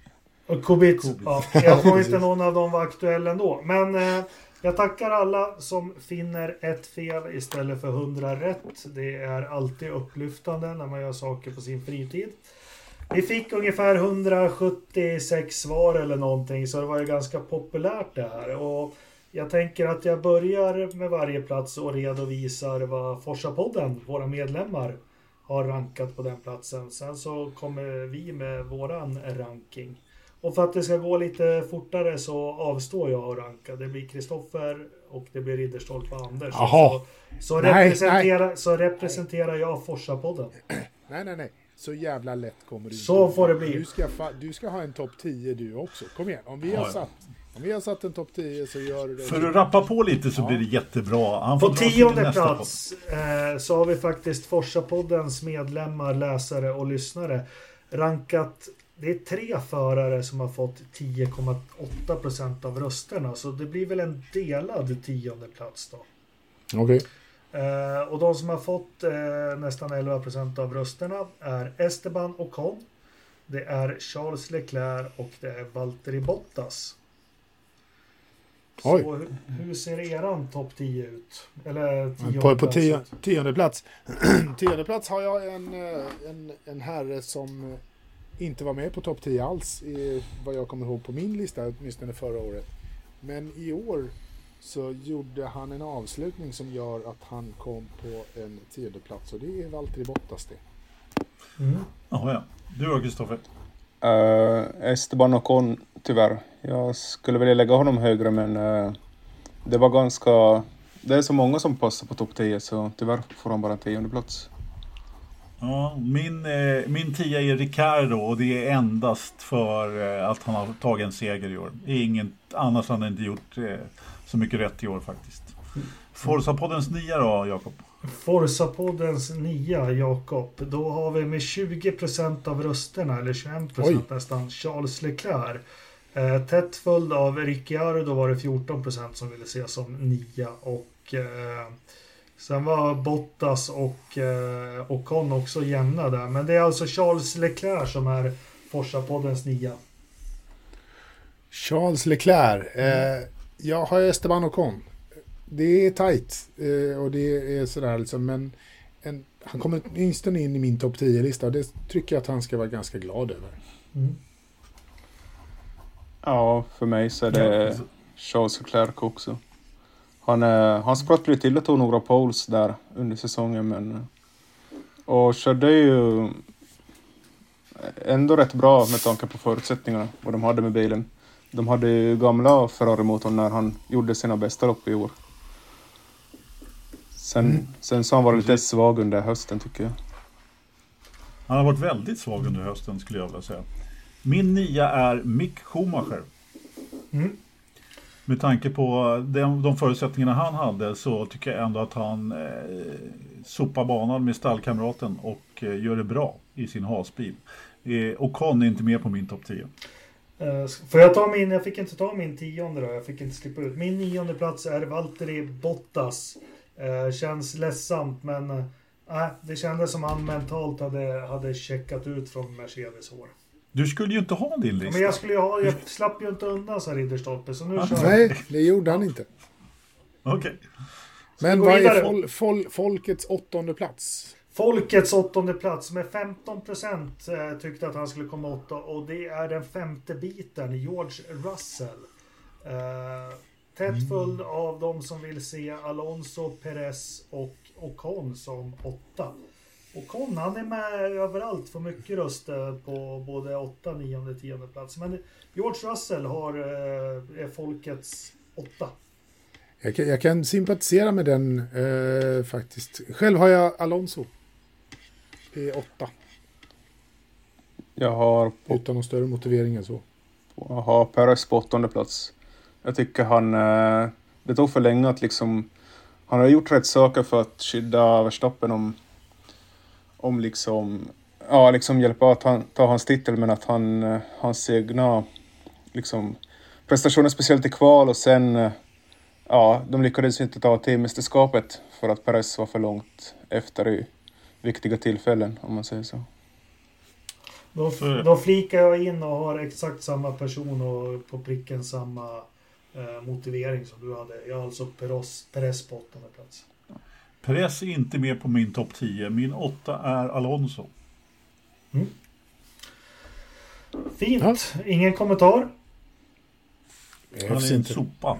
Folkets, sju, folkets sjua då med 22 procent av rösterna är Fernando Alonso faktiskt. Sen har vi både Carlos Sainz och George Russell får eh, 12 procent av rösterna på en sjunde plats. Eh, tätt följd av Perez och Leclerc. Men det är alltså Fernando Alonso, sjunde plats, tycker 22 procent av våra, eller av de som har röstat. Eh, Jag tycker ju då att... Ja, men kör du din... Ja, jag lägger eh, Pierre Gasly som sjua. Det kan vara som ett hån mot honom, men eh, motiveringen skulle ta alldeles för lång tid just nu, så vi tar det i en annan podd.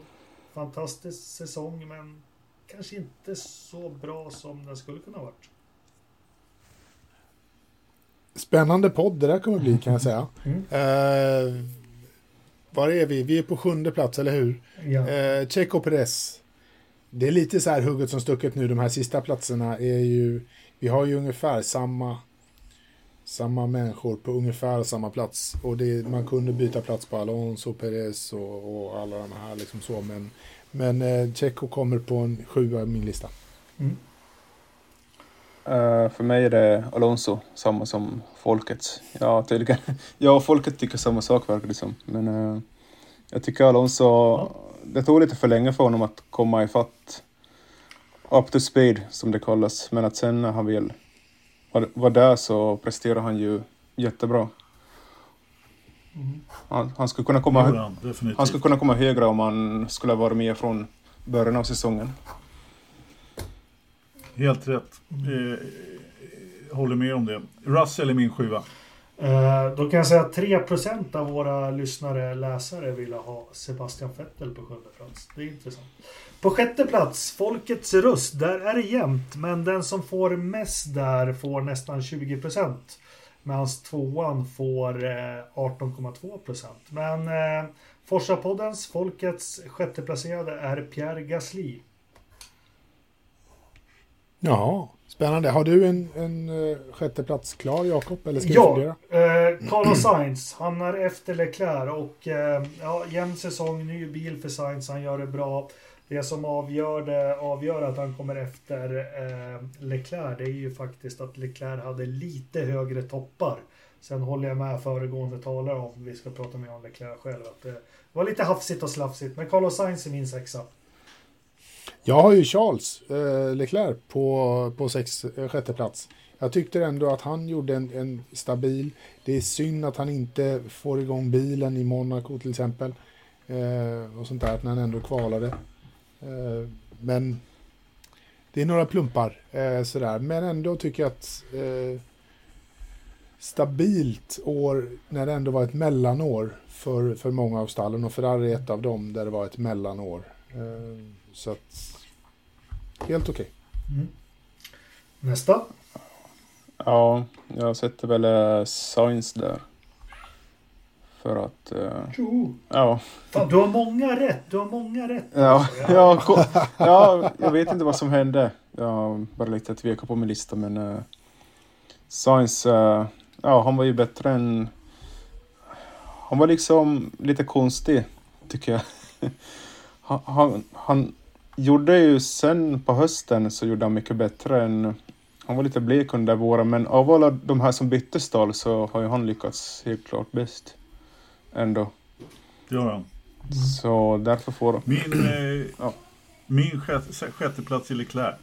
Ja, Bra. Du behöver inte eh, vet du, eh, ha, ha mer... eh, Älta, älta det mer. Kör femteplatsen Jakob. Ja, och det här blir ju jättelustigt och, och det blir väl som en algoritm. För den som har fått mest röster är ju Pierre Gasly där också. Men vi tar den som är tvåa då. då eh, folkets röst eh, som femte bästa före år ligger på Sergio Perez. Tätt följd av Fernando Alonso och Leclerc. Eh, Själv har jag lagt Leclerc eh, som femma. Ta mig lite emot, alltså blixtrande snabb första tredjedelen av säsongen. Pool position Monaco kör bra. Alldeles för mycket. Eh, det var ju ett stående inslag här på slutet att FP1 eller 2 då ska han sätta den i muren och säga Fuck I'm stupid. Eh, det där måste han ta bort här nu. Fredagarna är viktiga. jag har ju hans eh, kompis Carlos Sainz eh, på P5. Snygg Carlos. För- Ja, ja visst. Snyggingen. Ehm, han gjorde det riktigt, riktigt bra. Det, är liksom, det var länge sedan man såg någon göra sin rookie-säsong i Ferrari eh, så bra som Carlos har gjort det i år. Och den avslutningen han har haft på säsongen som han kan bygga vidare på lovar väldigt gott inför de kommande åren. Jag tror på, och jag tror att det här är en dynamic duo som de, som de har fått till med Carlos och Charles tillsammans där. Kul att, de, kul att de spelar så mycket schack ihop. Jättekul. Ja, Anders, ska vi ta dig? Eller Nej, Kristoffer först. Kristoffer Är det femte? ordningen här. Femman. Ja, det kommer Lando Norris. Jaha. Ja. Helt... Ja, all right. Ja. Ja. Utan, utan vidare kommentarer. Min femma är Carlos Sainz. Eh, och jag rankar honom högre än Leclerc faktiskt. Jag hade ju honom på sjätte. Eh, mycket på grund av hans oerhörda stabilitet och precis det här som du sa Jakob att han kör han, han, slarv, han, slarvar lite för mycket i år Leclerc. Inte riktigt levt upp till förväntningarna liksom. Jag håller med, det är hugget som stucket. Jag gick enbart på liksom eh, topprestationerna, där vinner ju. Men sen ett stort frågetecken om Sainz. Jag gillar dem otroligt mycket, men är han en killer som Verstappen? Det är, vi måste få se det först. För vi vet att Japp. han är nästan lika snabb som Verstappen. Men han, förstår ni vad jag menar? Oh, ja.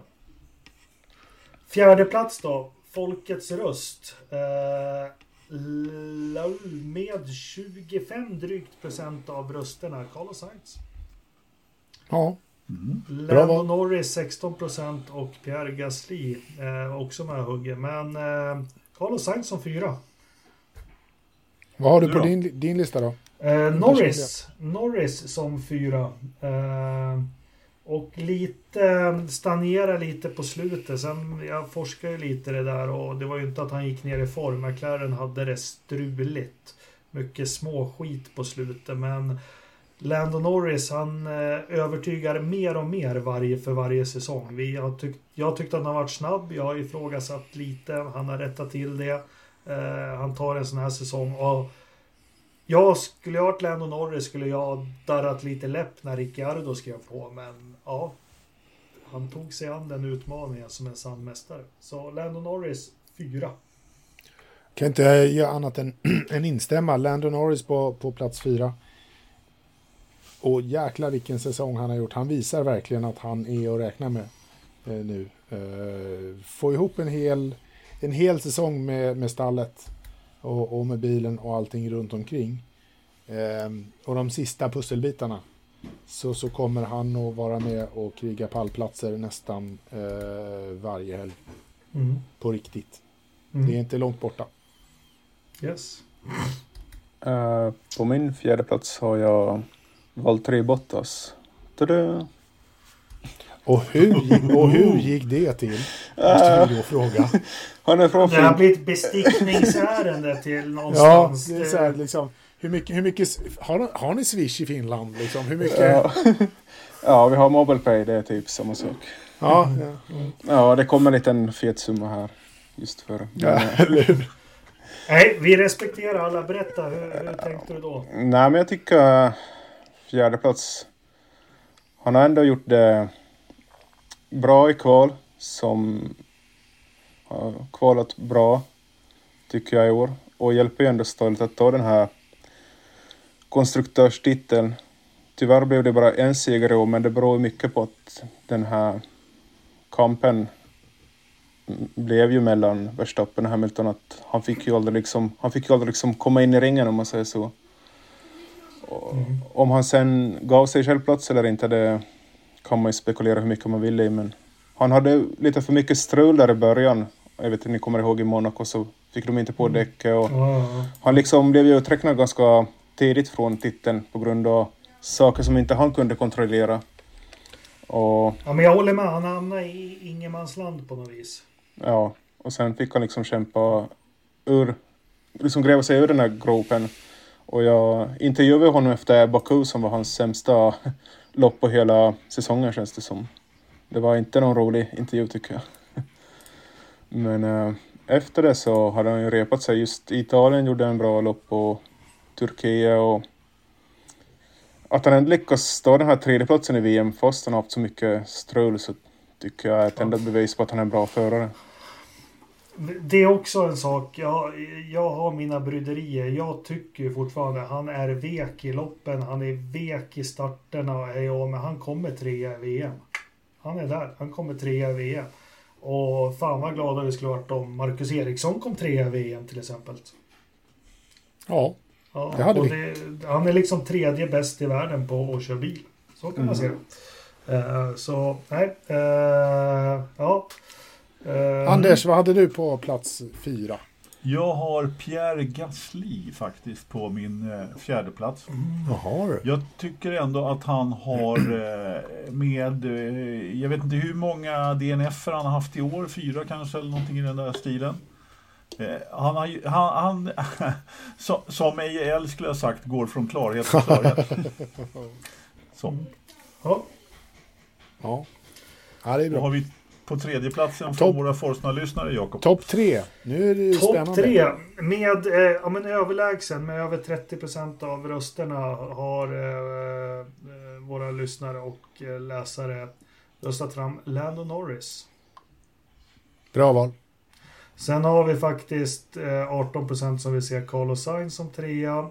Eh, faktiskt några som eh, Bottas, eh, Russell, eh, Sunoda. Så, ja.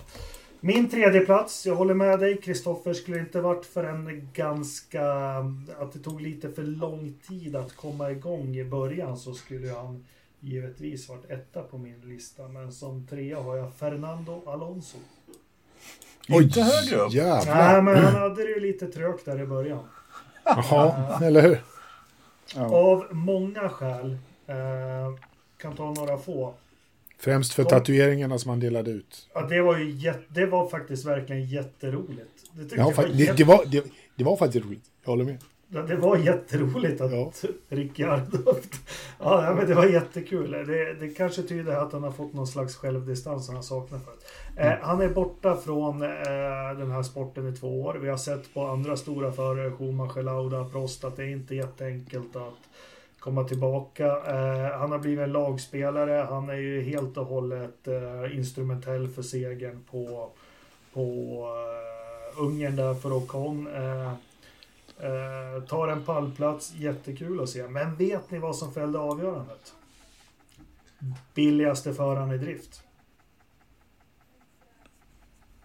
Och där var Mick Schumacher lite oväntat den dyraste. Ja, Precis. Nej, men det, Ja, det just det. säger väl någonting. Jag förstår ju att eh, alpinförarna, båda låg ju där i topp, är livrädda. För de kör väl med ett chassi som är 25 år gammalt. Men, eh, nej, men vad fan, gammal är äldst. Han, han höll vingar och, och däck och sånt i styr. Och, vad var det? Det var väl bara, var väl bara 3 miljoner de fick lägga på reservdelar på hans bil.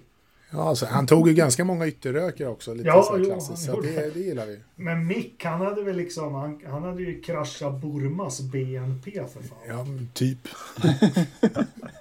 Ja. Ungefär, Nej, men. Fernando Alonso lite, ni vet att jag håller på honom. Men jag tycker att han, eh, han har gjort en storartad prestation den här säsongen. Jag måste bara få säga det. Ja. Ehm, jag har ju Pierre Gasly. Vilken raketsäsong. Vilken, eh, vilken förare. Stabilt topp 6 eh, gång efter annan. Ehm, Ja, en riktig Heikki Kovalainen. Riktig Heikki Kovalainen. Han borde sitta i en bättre bil. Han borde få chansen i, eh, i ett bättre material än Alfa Tauri. Han kommer inte att köra Red Bull igen. Eh, Så det spelar ingen roll vad Helmut Marko tycker eller inte. Eh, Gasly kommer inte att köra Red Bull eh, någon mer gång. Men jag vill få in honom i en McLaren eh, snart. Det skulle vara riktigt skoj att se honom och Norris eh, köra. Och nu sa jag att eh, Ricciardo inte skulle köra McLaren, men ja, det skulle vara någonting. Ja. Respect. Nästa. Ja, ja jag håller med dig. Jag har Gasly på tredje plats. Han liksom... Eh, jag vet inte om han kör bättre än vad bilen är kapabel till eller... Men de, det är ju Alfa Tauris bästa säsong sen de kom med i, i Formel 1 också. Och om det har något samband med Fint att litet det... jävla stall det där alltså. Ja. Fint litet stall. Sen vet jag inte om Gasly är mycket bättre än vad bilen kan leverera eller om det är bara bilen som är bra i år. Men eh, ja, jag tycker Christian sa mycket där. Som jag håller med om. Ja, men, eh, det- det kan ju vara lite eh, svårt att- kör väl precis allt som går ur den. Sen vet inte jag om han överkör den. Men jag tror att han verkligen... Han får ut max av den. Och det är en konst för det. Exakt. Ja men alltså han har ju, han har ju helt klart kört på revanschlust ett tag men jag menar det kan man inte göra hur länge som helst. Men samtidigt det här stallet från Faenza har fått till, och de har ju trots allt resurser nu då, då men Eh, ett, ett svårt mätetal naturligtvis med Sonoda där som har blandat och gett eh, och inte alls varit stabil överhuvudtaget. Så att det, var, det var anledningen till min, eh, att jag hade honom på fjärde och att jag istället har Norris då och precis som Forza lyssnarna och läsarna har. Och egentligen bara för att han har varit så oerhört stabil. Han gör ju ytterst sällan misstag. Brutit ett lopp i år eller något sånt där. Och det här som du sa där, eh, Jakob. Det var ju trots allt inte hans dåliga form på slutet utan det var McLarens. Det syntes ju på Ricardo också. De, de hamnar fel helt och hållet så att eh, det är min trea. Bra. Ska vi gå över till... Eh, Ska vi rassla igenom de här lite snabbt nu bara för jag tror, jag tror att det här kommer nog bli ganska snabbt och lätt ja, plats nummer två, Folkets röst. Det är jättekul. Det är många som har röstat. Många fler än vad jag trodde. Sen är det ju såklart vissa som är, ska vara jätteroliga och har Nicolas Latifi som årets förare och hej och hå. Men vi får bortse från dem. Det är trist ändå. Men eh, 32 procent eh, röstade på Max Verstappen. Men han blir inte tvåa. Jag satt också Lewis Hamilton som tvåa. Eh, göra så mycket misstag som han har gjort den här säsongen. Det har varit för mycket trassel, för mycket osäkerhet. Men hans sista fem lopp kan, ja, de måste ju gå till historien ändå. Men Lewis Hamilton är min andra plats och det är folkets andra plats. Och det är min andra plats också. Det är inte, inte för att han har gjort någonting eh, som gör att han inte förtjänar en första plats. Men han var bara inte bäst i år. Ja, han är Hamilton också på min andra plats. Det, han, han gjorde en jättebra liksom, comeback där från att Verstappen ledde med över, över 30 poäng. Jag tycker han... Ganska otroligt att han liksom lyckas bita ihop och ändå komma ner till jämna poäng till sista loppet. Det är ju inte många förare som presterar en sån sak som Hamilton faktiskt gör i år. Men att... eh, ja. en andra plats får han. Ja, Det är, han är, då är jag ensam om att inte ha honom på andra plats. Min tvåa på min lista är Max Verstappen. Eller hur? Eller hur?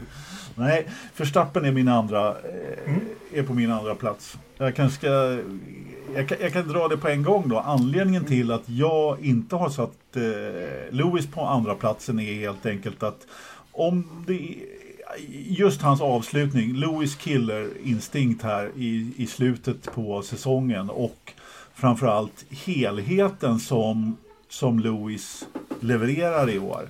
Var, vore det inte för en sketen eh, säkerhetsbil på slutet så hade han plockat hem det här VMet, alltså, inte säkert, men eh, ganska stabilt. Eh, därför så får Lewis min första plats.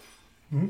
Jag håller med. Det att säga. Jag skulle också kunna säga, men jag säger att det var det var en röd flagg på Imola han blev räddad av när han stod där ute i eh, i Follan. Det var Break Magic, eh, nu kan jag inte komma ihåg, men det, det var lite små misstag som eh, eh, som inte jag är van att se honom. Men jag respekterar ditt val Anders. Vad bra. Så så var det med det. Vi repeterar. Vi tar folkets lista. Det är Max Verstappen och det är Lewis Hamilton och det är Lando Norris på tredje platsen. Så ser lyssnarna och läsarnas prispall Ska ut. Vi Ska behöver vi- inte, Ska vi, vi, behöver ska inte vi, ens redovisa första platserna. jo, jo. Någonstans så ska vi också så här, ge våran första plats och eh, redovisa varför vi har någon på första plats. Max Verstappen för att han vann VM. Max Då Verstappen, är du bäst. Max Verstappen för att han var totalt överlägsen det här året. I nästan allt var han bäst. I nästan allt. Han var bäst i allt till slut. Och på min första plats hittar ni Kimi Räikkönen. Ja, självklart. Nej, det är nog Verstappen. Han, han- liksom att se någon domineras sådär liksom. Jag kommer ihåg Red Bull Ring gånger två. Han var ju oslagbar. De helgerna och, och några till. Det är länge sedan vi har sett någon som har så bra kontroll. Jag tycker han tappar lite på slutet de här fem sista loppen så tappar han liksom kontrollen och går tillbaks till den här gamla Verstappen med sina fulspel. Att skulle han kunna kört likadant på slutet som de 15 första loppen så skulle han, ja, då skulle det klara rätt för mig. Helt rätt. Helt rätt. Ja, det är ju anledningen till att han inte är min etta. Just det att han inte har levererat så som han kan. Eh, Det, det här lite mer den nya förstappen utan eh, just att han, han har kört lite för hårt helt enkelt. Det är enda anledningen till att han inte är etta hos mig, annars skulle han vara det. Det är fortfarande en gentlemannasport. Eh, lite kort innan vi avslutar, lite information. Det skulle vara kul att ha en teknisk eh, Forsa-podden någon gång. Jag har faktiskt läst lite i veckan och så, mycket som inte har som har gått oss förbi och som har gjort de här, det har ju varit svängningar mellan Mercedes och Red Bull och vi har ju trott att det är den här nya motorn och ditt och datt men mycket som har fått, eh, vi tar det här med flexande bakvingar och det var ju från början av säsongen. Det var ju Red Bull som höll på och hade hittat något sätt. Men eh, nu har jag läst lite dokument och så. Eh, det här Lewis Hamilton åkte fast för på, i Brasilien, det var att hans DRS öppnades en millimeter för mycket. Det är ni med på? Ja. Ja, Men Red Bulls protest hade ingenting med öppen DRS-lucka att göra. Den är spännande. ja. Ja. Eh, den berodde på att när luckan är stängd så hittade Mercedes ett sätt att ståla bakvingen lite. Ja, vi kan ta det en annan gång. Eh, de här däcken som byttes efter eh, Baku när det vart lite hårdare däcktryck. Det blev eller hårdare däck. Det blev väldigt mycket mer kontrollerat hur de fick använda däckvärmare och eh, eh, däcktryck var också någonting som gjorde en stor svängning mellan stallen. Det var kul om vi skulle kunna ha en podd om det. Jag vet inte, Kristoffer, du är säkert mer påläst än jag. ja jag kan läsa på om det behövs också. Ja, precis. Men det är mycket sånt som är intressant. Ja. Vad som händer bakom kulisserna som aldrig kommer fram i sändningarna som får de här Mm. ja exakt. Men vad bra, då har vi ju gjort det här. Eh, övrig motorsport så tycker jag vill säga att Sean Alesi har misslyckats igen. Han försökte, spräng, han försökte spränga sin svåger med en nyårsraket. Eh, och satt, satt väl häktad och han tog med sig sonen i fördärvet och brorsan i fördärvet. Sen vet inte jag riktigt mer vad som hände. Är det någon som har något Han, han hade visst lånat brorsans bil om jag förstod det hela rätt. Men brorsan Han har inte... väl ingen egen bil längre? Nej, men han, han har lånat brorsans bil och eh, sen var det väl då eh, så att hans syrra då håller på, ligger i skilsmässa med den här svågern så att de skulle väl... de skulle väl ja, det, var, det var ett dåligt skämt som de uttryckte det men eh, som, som eh, poliskonstapeln, med chefen i Avignons eh, delar eller den här stadsdelen Avignon uttryckte det så att det känns lite konstigt att göra den här typen av skämt klockan 22 på söndag natten Eller eller kvällen. Ja. Eller hur då. Så att, ja. Ja, Men som jag fattade för första rapporten, det var väl att han hade smält en bomb. Ja, Sen det så var- visade det sig att det var en nyårsraket han hade skjutit Ja. mot fönster eller... Ja, Så, men det var, det var en som var förbjuden i Frankrike. Han hade köpt den i Italien. Såklart. Så nu åker jag och skämtar med han som har skilt sig från min syster här i min brorsas bil. Ja. Precis. Ja. Bra plan. Men, Ja. mm, precis. Vi Vad har kände lite, du Anders när du läste det där? nej, jag trodde inte det var sant. Jag, liksom, men ja, vad fan ska man säga liksom. Det kändes väldigt märkligt. Alltså, just den här... Eh, jag menar, han är ju inte riktigt, han är inte Jos Verstappen-typen liksom. Om det hade varit för Jos, då hade man ju inte blinkat liksom. Eller för den delen Mika Salo, liksom. Ja, men jag måste bara säga, jag hamnade på Youtube. Du gjorde det, ja. Eh, ja, då var det en intervju med, den var översatt med engelsk text. Den var ju från holländsk tv. Ganska ny tror jag, men den gick ut på när Max Verstappen liksom, när han ändrade sin racing och det var hans, fy fan jag blev så illa berörd.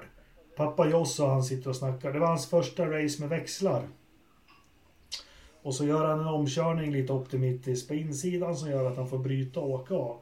Och så sitter han utanför behåller oss och berättar hur arg han blev. Att han brev tältet och han ville sparka ungen. Han eh, knuffade in han i bussen och sa inte ett ljud till han. Och, och till slut så vågade väl Max öppna käften. Då sa Jospa att jag pratar inte med dig. Jag vägrar ett ord till och åker ut. Och men och snälla pappa. Nej. Släppte han av han på en bensinmack i Italien. Okej. Och körde vidare. Åh, härligt. Ja. ja. Jag tycker inte sådana historier ska glorifieras på något jävla vis. För Max sa jag började ju gråta där och fick som tur var så var min mamma i Italien och kunde ja. Men, Ja. eh, Nej, den där, den, den där gubben är ju inte riktigt klok alltså. fast som sagt otrygga barn blir ju starka individer. Eller vad är det man säger? Ja, uppenbarligen så har han ju ett sjukt starkt psyke just nu, Förstappen i alla fall. Ja, att, det- det, det, det kan man inte säga annat. Har han fått barn också? Nej. Han stod och höll i någon bebis. Nej, men det är hans syrra. Det är hans syrra. Jaha. Eller om det var eh, hans eh, styvson. Hans styvson. Eh, Som han försöker smälla. Ridderstolpe om du ursäktar, du får ju klippa bort det. Men du lever väl varannan vecka-livet va? Jag, ja. Ja. Ja. Skulle du på något vis kunna måla upp hur en sån här barnöverlämning ser ut mellan Max Verstappen och Daniel liksom? Har Max packat en liten väska till ungen? Ja, Jo, men han har varit eller hur? dålig i magen och Ja. läxorna. Så. Ja, men precis. De, de har käkat nu, de har gjort läxorna för nästa vecka. Och tänk på att det är bad på tisdag, så att de måste packa badkläder. Ja. Ja. Ja. Nej, jag, jag, tror, jag tror inte Kviat och Max har den. Nej. Det tror inte jag heller. Jag tänkte Daniel ringer. Fan, det har kört ihop sig. Kan du ta föräldramötet? Ja, eller hur? Jag- Gå via Zoom. Ja, Jag, jag, ja, det är en, Kristoffer. ja, jag tror inte Kviat kanske har så mycket kontakt med barnet. Det är min känsla i alla fall. Att, Ja, så kan det vara. Det är Kanske mamman där. Ja. Uh, kul. Ja, men det är kul. Max Ver- Verstappens mamma sa faktiskt, ja, men vi är ju vuxna allihopa, men största förändringen och bidragande orsak till att, att han blev mästare och höll upp det, det var att han har mognat genom att träffa en äldre tjej som har barn. Han har blivit en helt annan Max Verstappen. det, Men det, det har jag det också har hört. vi också sett. Ja, men, det, men det har vi också kommenterat i, eh, i podden här över året att han har mognat. Att vi tycker att han har kört på ett mycket mognare sätt. Sen så trillar han ju dit de sista fem loppen som fan. Men han har ju liksom eh, mognat. Det är ju spännande att få en liten orsak till det där också. Kanske. Jag gillar ju den här bilden som någon la ut på honom när han kom till FIA-galan där och det var någon som hade skrivit eh, under att eh, liksom, ja, här, här kommer Max Verstappen till FIA-galan och så var det någon som skrev då eh, ja, med eh, Kyats fru och Louis eh, Och Louis. Precis. Ja. Nej, men jag kan väl bara för att avsluta det. Jag älskar och högaktar min svärfar. Men det skulle vara jävligt trevligt att ha Nelson Piquet som son. Jaha, har vi någon veckans förstappen då? Du, eh, ja, det har vi. Eller har vi Eh, någon övrig motorsport? Ja, jag skulle bara säga det. Jag ska, jag ska bara puffa, vänta Ja. lite Kristoffer. Jag ska bara puffa för att efter Förstappen och efter vädret så kommer det ett, eh, det andra avsnittet av vår lilla iRacing-kvarting där. Så. Ja, vad kul. Jag glömde säga det. Och vi har faktiskt fått eh, mer än vad jag trodde positiv feedback på den. Jättekul. Ja, det tycker jag också, verkligen. Eh, vad ville du säga? Eh, det börjar ju Dakar rallyt på lördag, den första i första. Jag vet inte Just om ni det. följer med det, men jag brukar alltid Bra där, slänga bra där. öga på det. Jag tycker det är, Ja, de kör ju i Saudiarabien i år. Är det den första till den Ja. 12 januari typ. Ja. Alltså, jag, Anders, du brukar vara intresserad av alltså jag har följt Dakar-rallyt sedan 80-talet. Eh, mycket nära egentligen. Har tyvärr tappat intresset lite grann sedan de började köra i Sydamerika och eh, sedermera i Saudiarabien. Gillar inte riktigt Saudiarabien. Eh, liksom själva vegetationen där och det funkar inte sådär topp tycker jag då. då. Men, men vi har några svenskar som kör faktiskt och eh, Anisel är väl den eh, framförallt då som är som, som ska köra för nionde gången om jag kommer ihåg det hela rätt. I alla fall i, i, i bil då, då den här gången. Sen ska faktiskt Eje Älg köra tillsammans med sin son. Fast i den här, eh, vad heter, kan du det Kristoffer, vad klassen Ja, heter? Legends. Far och son. Ja, Legends ja. Ja. precis. Inte alls riktigt lika tufft om jag har Ah. förstått det hela rätt. Och sen är ju Ekström också med med någon hel elbil om jag rätt. Precis, precis. Och där har vi ju faktiskt, om den håller ihop så har vi ju ett, eh, ett hopp där faktiskt om en topplacering. Ja. Ja. Och är Sain- är Sainz med på den satsningen också? Eller blandar jag nu med någon annan? Nej men alltså Harry Sainz, eh, Senior. Pappa. senior. Senior ska köra, men jag kommer inte ihåg om det är för samma Ekströms eh, el, elbil där. Men det, det, det kommer jag banne mig inte ihåg. Men han, är, han, Ja. han ska vara med om jag kommer ihåg saken. Ja, det brukar ju vara någon av de Vart, här vart föll... gamla revarna alltid som vinner. S- Sainz eller S- vad heter Ja, alltså eh, Peter Hansel har ju vunnit eh, 14 gånger eller vad det är för någonting. Så att eh, satsa en peng på honom, det är ju aldrig fel. Ja, eller Arivatan. Precis, precis. Ja, men, eh, alltid kul med, med Dakar ändå när det väl drar igång tycker jag. Sen Vart kan man följa det här då? Eurosport alltid. Och på Yo- Youtube lägger de upp liksom korta klipp för varje cross. Faktiskt. Det är ganska Mm. lätt att följa med om man bara vill följa med bilcrossen. Som jag tycker är det mest intressanta. Men sen ska ju Ja. Petrucci som kört MotoGP ska ju köra hoj i Dakar faktiskt. Jag vet inte hur mycket ni följer med MotoGP men han ska testa på det. Ja, kul. Ja. Alltså, jag följer inte MotoGP alls. Däremot brukar jag följa motorcykelkategorin i Dak- Dakar. Har jag, har jag gjort också många, i och med att vi har haft ett par svenskar som har kört där också.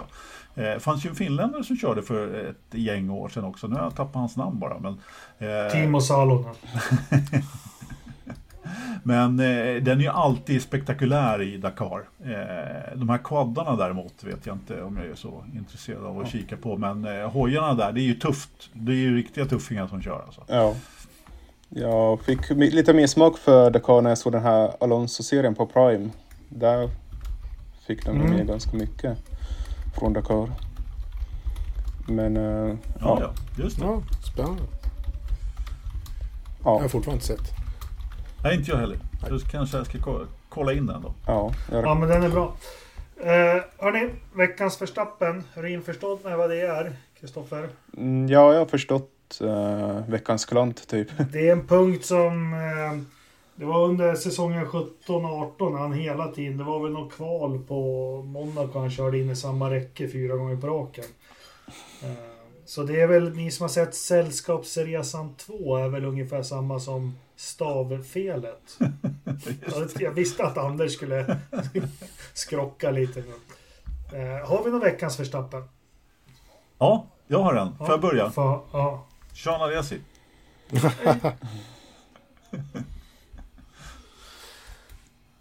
Någon Ja, det, var, mer? ju- det var ju faktiskt... Nej, jag har ingen. Eh, den här veckan. Det har inte riktigt hänt så mycket. Eh, Alltså, eh, Mazepin kan ju alltid ta en till. Och, det är klart, att Stroll kan alltid vara värd en, en veckans Ja. Verstappen. Eh, av, av orsaker. Sådär. Nej. Jag säger, Nej, jag säger väl eh, Ham säger du? Hamilton som har slutat följa alla på Instagram. Det är ju en liten Verstappen. ja, det är bra. Då säger jag, vi har eh, F1-sändningar som är helt fantastiska med främst F1 TV och deras Tech Talk. Men eh, vi behöver mer lättförståelig information.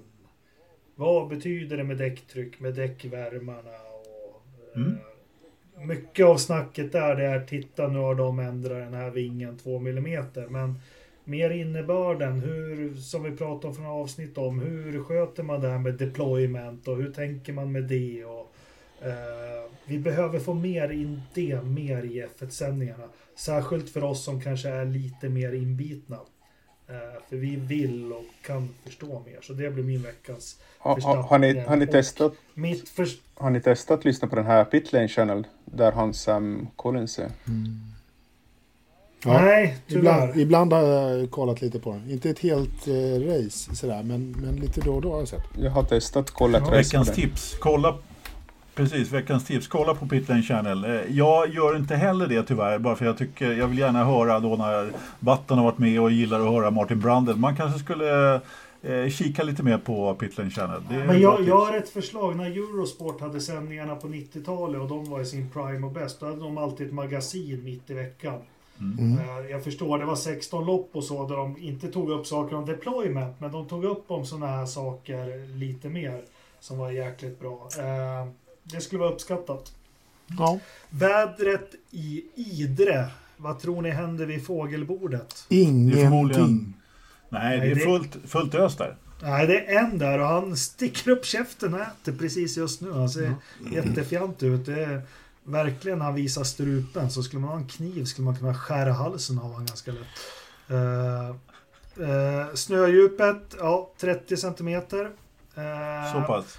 Ja, kåtorna, det är ingen Skalberg där. Jag är Nej, vad fan. han, han, bara, han bara snackar Skalberg. Eh, och fjällbuan, där är ju något fel. Vi har 20,5 minusgrader. Oj, jävlar. Oj, jäklar. Det skulle, jag som gör is och skridskobana på min tomt just nu skulle gärna vilja ha 20,5 minusgrader. Ja, vi har minus 20 i Finland också. Ah, så. Åh. Vad säger du? Det är 20 Såklart. närpes också. Helt otroligt. Ja. så Ja, då, det är då, tar ni, lite- då tar ni på er collegetröja. Ja. Eller hur? Ja. Vi går och ba- går och tar badar i vinter. Ja, Ja. liksom. Ja. I Exakt. vågvaken heter det. Ja. Ja, det är ett helt annat virke här, det vet vi. Men det är 38 procents luftfuktighet inne, tyder på en dusch kanske. Det är 21,5 grad stabilt i sovrummet och vad har vi då i datorförrådet? Jag tror att eh, det har pipit iväg åt eh, rätt håll. Jag tror att det är stabilt 20,0. Du är Du- du är helt ute och helt- cyklar. Jag har aldrig jag hört en så fel, fel gissning. Och, Förra veckan också. För fan ta det här på allvar, Anders. Det, Samtidigt det, är det bara jag som har haft rätt. Redand och bara spottar ut dig något random jävla siffror. Kom igen nu. det, det är någonstans, det, det är 8. Viktiga saker. 8,0. Ja, det här har vi någon som tar sitt uppdrag på allvar. Ja. Kristoffer, dig kommer jag inte skälla på det är första gången. Uh, ja, sex och en halv. Ja, då är Ridderstolpe nära. 8,2. Oh. Oj, riktigt nära också. Ja, det var riktigt nära. Anders, Ja, skärpning för fan. Alltså, men- tju- Ja, men jag jag trodde, han, jag trodde han hade installerat min, eh, mitt Varför skulle han ha element gjort det? Det har varit en trend länge. Han vill ha det kallt. Ja, ja. uppenbarligen. Kom ja, det igen är dåligt. Fan, läser du börsen så här slarvigt? Va? ja, det Oj, Volvo, den står i 2000 nu. Hej, jag köper. Mm. Eh, det var en ynnest att få ha med dig, Kristoffer. Jag hoppas verkligen att du kommer tillbaka och att du gör det snart. Ja, det Gärna. jättekul. jät- jättekul att få vara med här. Eh, Ja, du är så välkommen. Nu får vi se, de andra kanske inte håller med. Jag tycker det var, jätte, jag tycker det var jättetrevligt. Då kan du locka lite lyssnare från Österbotten så väl bara det för världen. Ja, Absolut. absolut. Och jag får Ja. lite mer följare från Så- Sverige så har vi liksom fixat det där. Det ska vi ordna. Så jag säger kitos till dig och jag säger på återseende och jag säger tack till alla lyssnare. Tack för att ni har varit med och röstat och vi hörs om en vecka igen. Ja, det gör vi. Det Nu gör blir vi. det iRacing. Ha det Nu bra. blir Tjena. racing. Hej hej! Vem ska jag fakturera nu då? Ja, men välkomna till avsnitt två av eh, Forza-poddens iRacing-podd, inkluderad i den vanliga Forza-podden. Och välkommen till avsnitt två, Joakim eh, JBS VT2 Brohede. Tack så mycket. Hur står det till? Det är bara bra. Har du kört mycket iRacing sen vi pratades vid senast? Nej, det har inte blivit så mycket. Det är så mycket annat så här i jultider att hålla på Ja, med. det är det. det är ju det, vad bra. Nej, men vi tänkte prata lite mer, det här avsnittet tänkte vi dedikera eh, innan ni spolar vidare till lite, lite tips och tricks då när man börjar köra. Eh, ni som är erfarna iRacing-förare kanske kan spola lite då, men, men eh, just om man vill börja och om man har köpt simulatorn och vet inte riktigt hur man ska komma vidare eller har fastnat lite grann precis när man börjat eh, så har vi lite tips, eller hur Joakim? Ja, det är, det är väl ditåt vi ska ta det här avsnittet. Vi gör ett försök. Ja. För jag menar, eh, trots den enorma talang som både du och jag besitter i eh, simulatorspelsammanhang så tog det ju trots allt en stund innan det började. Ja, man var ju lite irriterad kan man säga några gånger innan, men man, trots allt så, så vill man ju gärna komma vidare, eller hur? Ja, frustration är ju bara förnamnet. Men, Mm. men ja, nej, man vill ju känna att man, man kommer någonstans. Så är det ju. Ja, alltså jag, jag, något som jag inte nämnde när vi pratade gamla tider där i förra avsnittet var att jag körde ju en gång i tiden den här gamla Grand Prix Legends. Och ja, jag kom väl inte ur depån. Alltså det, det var, fanns ju någon halmbal där någonstans som jag satt i vid varje tillfälle och sen tröttnade jag helt enkelt. För det var så, det var så svårt och det var så mycket inställningar. Så att, eh, men här är det ju trots allt, det finns lite hjälpmedel här. Eh, ska vi gå igenom dem lite? Ja, eh, just Grand Prix Legends, det är ju, det är ju bitterljuva minnen får man ju säga.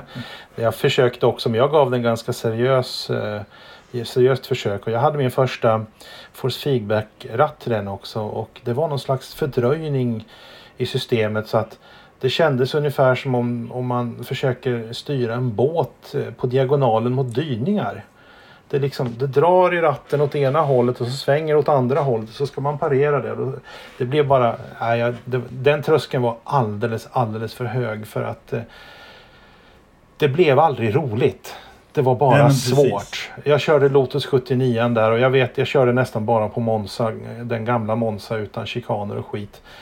Ehm, och visst, jag lyckades så småningom lära mig att kunna köra flera varv efter varandra eh, utan att köra av. Men inte med någon större attack, verkligen inte. Men det var när, där någonstans det ebbade ut sen. Ja, nej men eh, du sa ju någonting där. Alltså tröskeln var så enormt hög så, man, så, så det, det blir bara jobbigt. Här, I iRacing så är det ju trots allt så att här finns det ju också trösklar. Bara, och de är väldigt många och de är inte riktigt lika höga. Så att har man väl eh, liksom håller sig på banan i stort sett. För det är ofta det som är liksom det första lilla, lilla trixet. Det är att man behöver hålla sig på banan. Innanför linjerna, bromsa ungefär när man ska.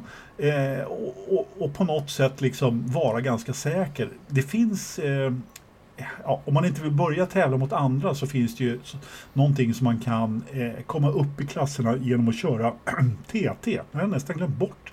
Vi körde ändå rätt mycket i början där. Time, eh, vad står Time trial, tror jag det Time trial, så är det. Ja. Och, eh, och då kan man bara välja en bana och sen så är man helt själv och så ska man sätta Ja, eh, man måste inte sätta någon specifik tid men ma- man ska inte köra av i alla fall och, och hålla på utan ganska jämna tider. Då får man lite, lite safety-poäng och lite i-rating-poäng också faktiskt. Ja, jag har inte kört det så mycket för jag tyckte det var rätt tråkigt. Ja men det är ju det. faktiskt. Men, men samtidigt så... Ja, det var ju frustrerande i, i början då när man eh, tänker sig att eh, ja, man, skulle, man skulle köra den här äh, Mazda MX5 då och eh, den är ju racepreppad eh, klubbsport eller vad det heter. Och, um, det, det var ju det var ju som, som, som att försöka styra en, en klick smör i en het stekpanna kändes det som att den, den gjorde som den ville och inte som jag ville. Och jag kämpade väl bra många kvällar i veckan i ett par månaders tid innan jag kände att ja, men nu kan jag faktiskt köra flera varv efter varann utan att köra av. Nu vågar jag nog kanske ställa upp i en tävling. För jag vill inte gå in som rookie och nybörjare och ha bara kört en vecka och tävla därför att man tävlar emot andra människor. Och jag har ingen lust att förstöra lopp för andra riktiga människor genom min egen tvärinkompetens. Så jag, jag, jag väntade ganska länge tyckte jag i alla fall. Ett par månader innan jag körde mitt första lopp. Mm. Nej, men eh, jag väntade också hyfsat länge, kanske inte riktigt lika länge som du, men eh, jag eh, känner igen mig i det där för jag höll också på att köra. Jag vet att jag liksom, just i början där så blev man ju väldigt sugen på att köra mer. Så att det blir ju, blev ju några timmar varje kväll faktiskt eh, som man körde och det var väldigt sådär eh, eh, vad ska man säga, upplyftande ändå. Trots att man kanske körde av i varannan kurva och inte fick, så vill man ändå mer, mer, mer. Eh, det kändes som man drogs längre och längre in i det och jag eh, eh, kanske fick lite hybris där ett tag och började köpa både bilar och banor som jag tyckte var roliga. Man, man fick ju se att det fanns rätt många skojbanor som man vill pröva på. Kanske inte riktigt det att rekommendera, men jag nu har jag i alla fall en bankatalog där eh, att välja efter om man, om man vill köra. Då. Men, för det finns trots allt många häftiga banor att köra. Men just den här när man ska börja köra. Du och jag började köra Mazda. Det är många som säger att den är väldigt realistisk trots allt. Eh, att det är en väldigt bra bil att börja köra. Att den är väldigt lik verkligheten. Efter du och jag började köra så har det kommit en ny rookie-klass, eller en, ska vi kalla det instegsklass, som också är väldigt bra att börja köra. Den heter Formel V och den kan du med om. Ja, eh, det är ju en, från början en väldigt gammal klass. Den bygger ju på gamla folkvagnsbubbladelar. Eh, för oss som är kanske lite mer tekniknördiga än genomsnittet så när man sitter i Formula V-bilen och tittar framåt så känner man ju igen hjulupphängningarna eh, hur de ser ut ifrån den gamla folkvagnen faktiskt. Och det är likadant att det är ju den där luftkylda boxerfyran bak då på vad det nu kan vara trimmad till en 50-60 hästar någonting. Det är ju inget, det... det är inget fartmonster men den väger å andra sidan ingenting. Men... Nej, och vridmomenttoppen den är ju inte så spetsig om man säger så. Ja, den är väldigt platt i karaktären. Ja, ja. Det är, det är, man behöver inte växla ihjäl sig om man säger så. Så är det. Nej, man ska nästan låta bli. ja, ibland är det ju faktiskt så att det kan vara effektivare att inte växla för man tappar lite fart när man eller tappar acceleration ska jag säga i, när man växlar. Mm. Precis, precis. Men den är rätt trevlig att köra på vissa banor, kanske inte på alla. Men den är, framförallt så är det ju, om man, om man jämför de här två så är Mastan, den är väldigt lätt att åka av med. Eh, framhjulsdriven som den är, eller höll jag på att säga, det är den inte alls, den är bakhjulsdriven. Eh, bakhjulsdriven som den är och ganska, om man inte riktigt har koll på den så är den ja, men lite lynnig sådär då. Eh, Medan Formel V är oerhört mycket mer stabil. Eh, som ju, det är ju också en Formelbil, eh, men utan vingar. Eh, så jag, skulle, jag skulle faktiskt rekommendera Formel V före Mastan om man vill eh, liksom komma ur rookie-stadiet eh, tidigare. Men det, man kan ju pröva båda naturligtvis. Ja, Formel V upplever jag som mer förutsägbar. Den är mer konsekvent i sitt beteende. Um, Mastan upplever jag mer som att um, går man över gränsen då får man en käftsmäll. Man vet inte från vilket håll den kommer. Uh, lite grann så. Men jag, jag har, eh, jag har uh, läst eh, uttalanden om det här. Bland annat en, en kille som eh, jobbar som, som instruktör på en, på en eh, racingskola som säger att han har tävlat jättemycket med MX5 och Mastan då. Och eh, han känner ju igen sig fullt ut. Inte, du får inga G-krafter naturligtvis. Men, men eh, när han gör en input med eh, gaspedal, bromspedal, ratten så beter sig iRacing-versionen precis som han förväntar sig att den riktiga bilen ska bete sig. Så att ja, det, det, har de tydligen ju... fått till väldigt bra menar han då i alla fall. Ja, men det är ju oerhört intressant och det här du säger med, alltså, Nu för, nu för tiden så finns ju alla möjliga hjälpmedel. Som om man vill plöja ner pengar i en ordentlig rigg så finns det ju Eh, vad heter de för någonting, de här grejerna? Eh, butt sparks och... ja, just det. Butt kicker och ja. motionriggar och allt vad det heter. Ja, precis. Ja, precis. Det rör sig det, och vibrerar och låter ja, och har sig. Det kan skaka, skaka runt ganska ordentligt om man så vill. Men eh, precis som du säger, det är, alltså realismen där är, den är ganska hög. Men Eh, fortfarande så är det ju vissa saker som saknas naturligt. Det är ganska naturligt. Men, men, men trots allt så Däcken är ju ofta det som man kanske går på mest då när man kör framförallt Mastan där och, och hur de beter sig lite grann. Eh, för att liksom få, eh, få, få, få sprutt i kurvorna så att säga. Det är ju väldigt skillnad på första varvet när man kommer på kalla däck och på andra varvet när det börjar få lite temperatur i dem. Det, det är ju just mastan sägs ju vara väldigt speciell och ta, den tar ju flera varv nästan att få temperatur i däcken där. Mm. Så medans eh, vet du, Formula V, alltså de däcken känns ju det är inte så att de blir klistriga direkt efter ett tag utan de håller ju väldigt länge också. Så det är samma låga fäste där hela tiden kan man väl säga. Ja, det är lite sämre första varvet men, men eh, det är liksom konsekvent. Det är inte så att balansen ändras eller någonting direkt sådär utan eh, det, det, är något sämre och sen blir det lite bättre. Men den är fortfarande förutsägbar. Ja men eh, visst är den så. Visst är den, visst är den det. Och, eh, eh, ja, nu när man, om man nu ska köra någonstans. Eh, det är ju inte direkt de här banorna som man känner igen i Rookie-serien i Mazda. Eh, kommer du ihåg vilka som var dina favoriter och vilka som inte var så favoriter i början? Jag hade nog inga favoriter. Jag tror jag hatade alla banor till att börja med. ja, det var ju lite så. Det var ju lite så. Men mm. framförallt så fick man ju lära känna en och annan eh, japansk bana som mm. man kanske inte hade sådär jättebra koll på. Eh, Okuyama och allt vad de heter för någonting. Då, då. Mm. Tsukuba och... Just det. Ja. Eh, kanske lite, lite mindre banor. Men det finns ju banor från alla de hör, hörn av världen kan man ju också säga då. då. Tyvärr inte Sverige i iRacing då, då. Nej, det är lite synd. Det hade varit kul att testa annars. Ja, sista tillskottet var väl Knockhill här i eh, skotska, eh, skotska halva Hockenheim. typ. ja, ungefär så. Eh, mm. Ja, men det är väl lite så då. Eh, jag vet inte om vi ska prata mer licenser och sådana grejer men eh, nu har vi pratat lite kör Eh, känsla i mastar, mastor och Formel V. Vad tycker du vi ska gå vidare med? Jag skulle vilja säga så här att eh, jag har ju kört eh, ett antal spel. Om, man, om vi räknar bort den här Grand Prix Legends som var väldigt speciell så är det ju så att när man köper ett bilspel och spelar det så kan man ofta ha väldigt mycket hjälpfunktioner igång. Man kan ha bromshjälp, man kan ha stabiliseringshjälp, man kan ha antispinn, man kan ha saker som att, att kameran vrider sig in mot Apex när man svänger så man ser vart man tar vägen och det finns en massa sådana här grejer. Och det är väldigt lätt att ställa in eh, vilken procent eh, mm, datormotståndarna ska ha jämfört med mig och sådana här saker i prestanda. Vilket gör att det är ganska lätt att hamna i ett läge där man känner att man kör ifrån sina, sina datormotståndare så att säga. Um, mm. Medans i uh, iRacing upplever jag ju att tröskeln för att överhuvudtaget ta sig runt en bana är högre. Och sen finns det ju hjälper. Du kan köra automatväxlat. Du kan köra med eh, eh, låsensfria bromsar och antispinn och vad det är inkopplat. Men för varje sån hjälp man kopplar in så tappar man lite tid.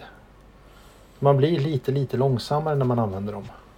Vilket betyder att den själva tekniken är ju att lära sig tekniken. Det vill säga man kör tills man inte längre behöver den här eh, assistansen och sen så börjar man köra på eh, utan den helt enkelt och tränar upp sig. Och när man har kommit en viss bit, ja, då kopplar man ur den och börjar köra utan kan man säga. Mm. På, när det gäller eh. Mastan till exempel så har vi ju sett en stor skillnad vid stående start mellan dig och mig i och med att jag använder kopplingen. Precis. Jag, precis. jag brukar, när jag får till det med kopplingen så brukar jag dra ifrån dig i starten. Ja, det gör du alltid. Och det, där kan man väl säga också, det är ju, där, där skulle jag vilja ge ett råd till de som kanske inte har börjat men som ska börja.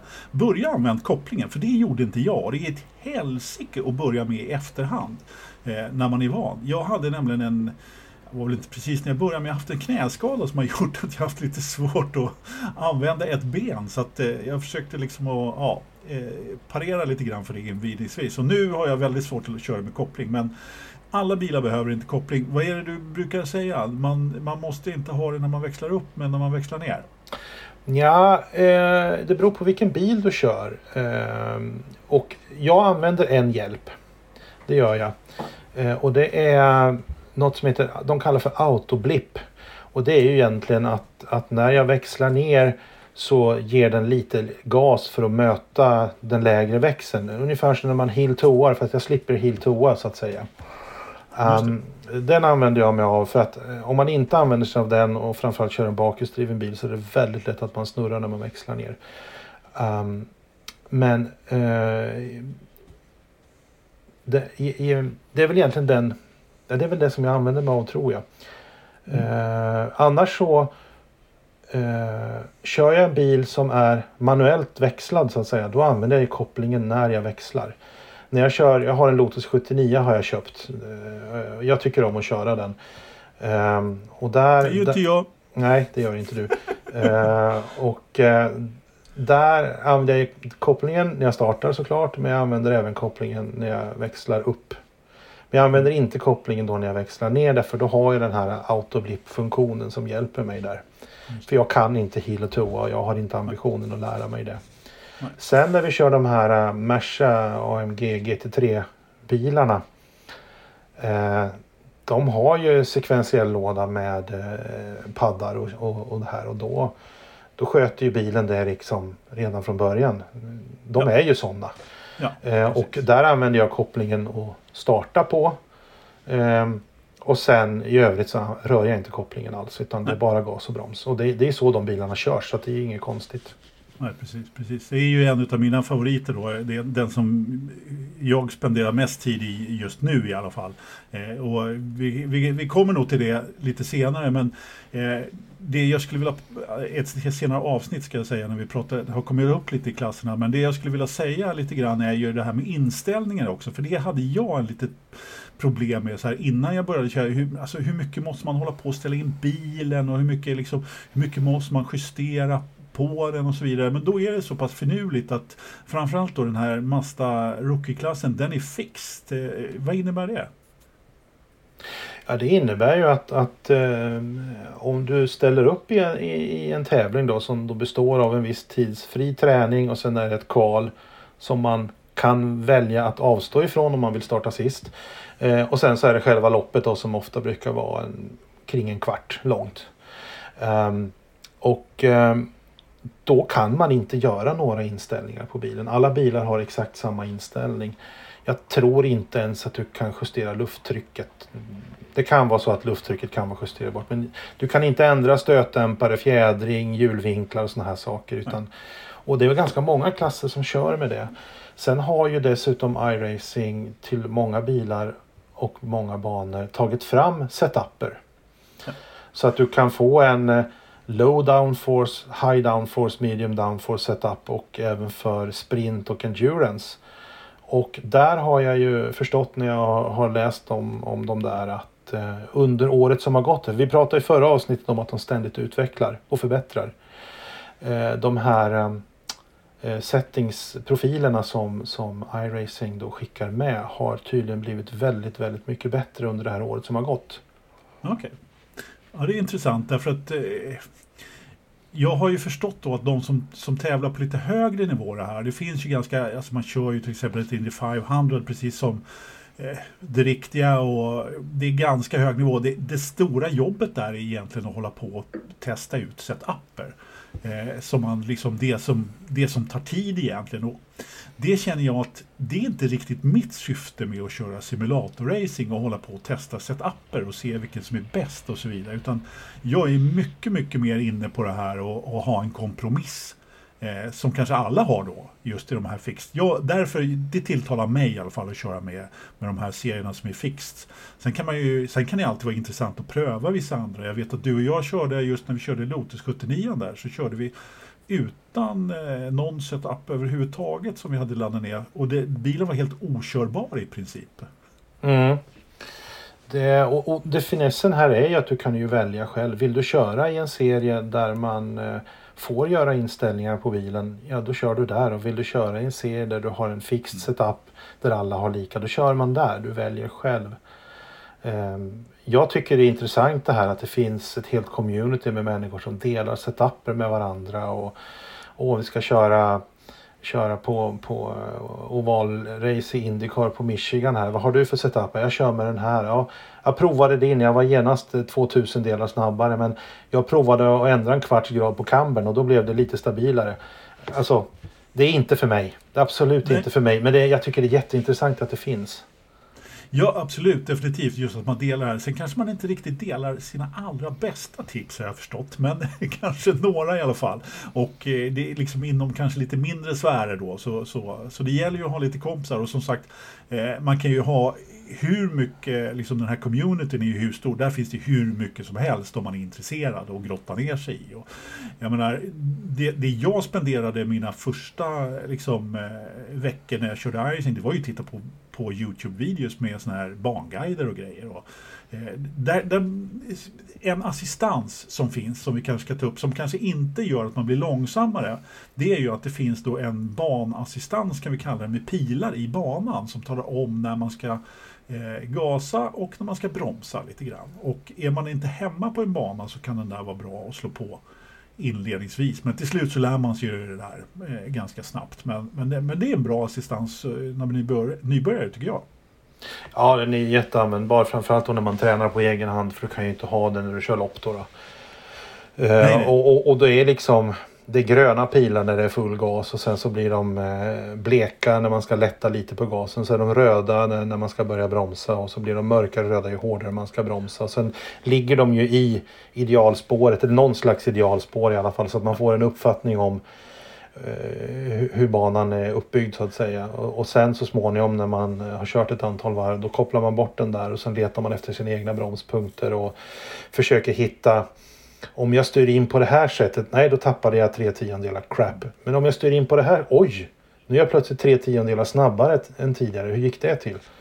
Precis, eh, och där, där, kände ju jag att jag använde den här ganska mycket i början. Eh, just för att lära mig nya banor och så vidare. Men sen märkte jag att jag överanvände den lite grann därför att direkt när jag, när jag eh, stängde av den så blev jag mycket snabbare eh, omgående. Och sen så hade jag inte riktigt eh, rätt bromspunkter. För man, ofta när man använder den där så hittar man ingen, eh, du behöver ju ofta en bromspunkt på banan eller i periferin eller någonstans.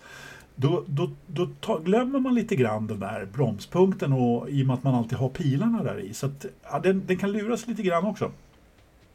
Absolut. Och eh, numera så använder jag den ju eh, bara när banan är ny eller när bilen är ny på den här banan. För det, hur de här pilarna är fördelade med banan har ju faktiskt att göra med vilken prestanda din bil har också.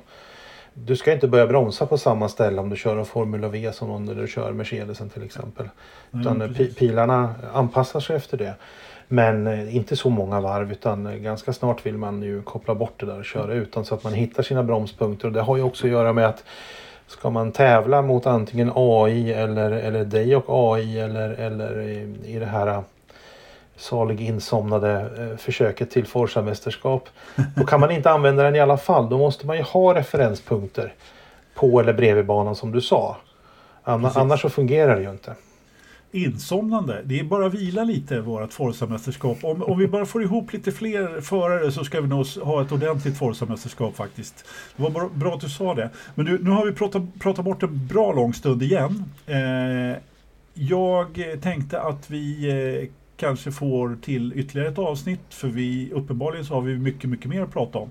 Bland annat så eh, kan vi ta en liten teaser inför kommande avsnitt och jag vill prata AI-racing som jag tycker är en av de absolut bästa funktionerna med just iRacing eh, framöver. Vad säger du om det? Ska vi prata om det nästa avsnitt?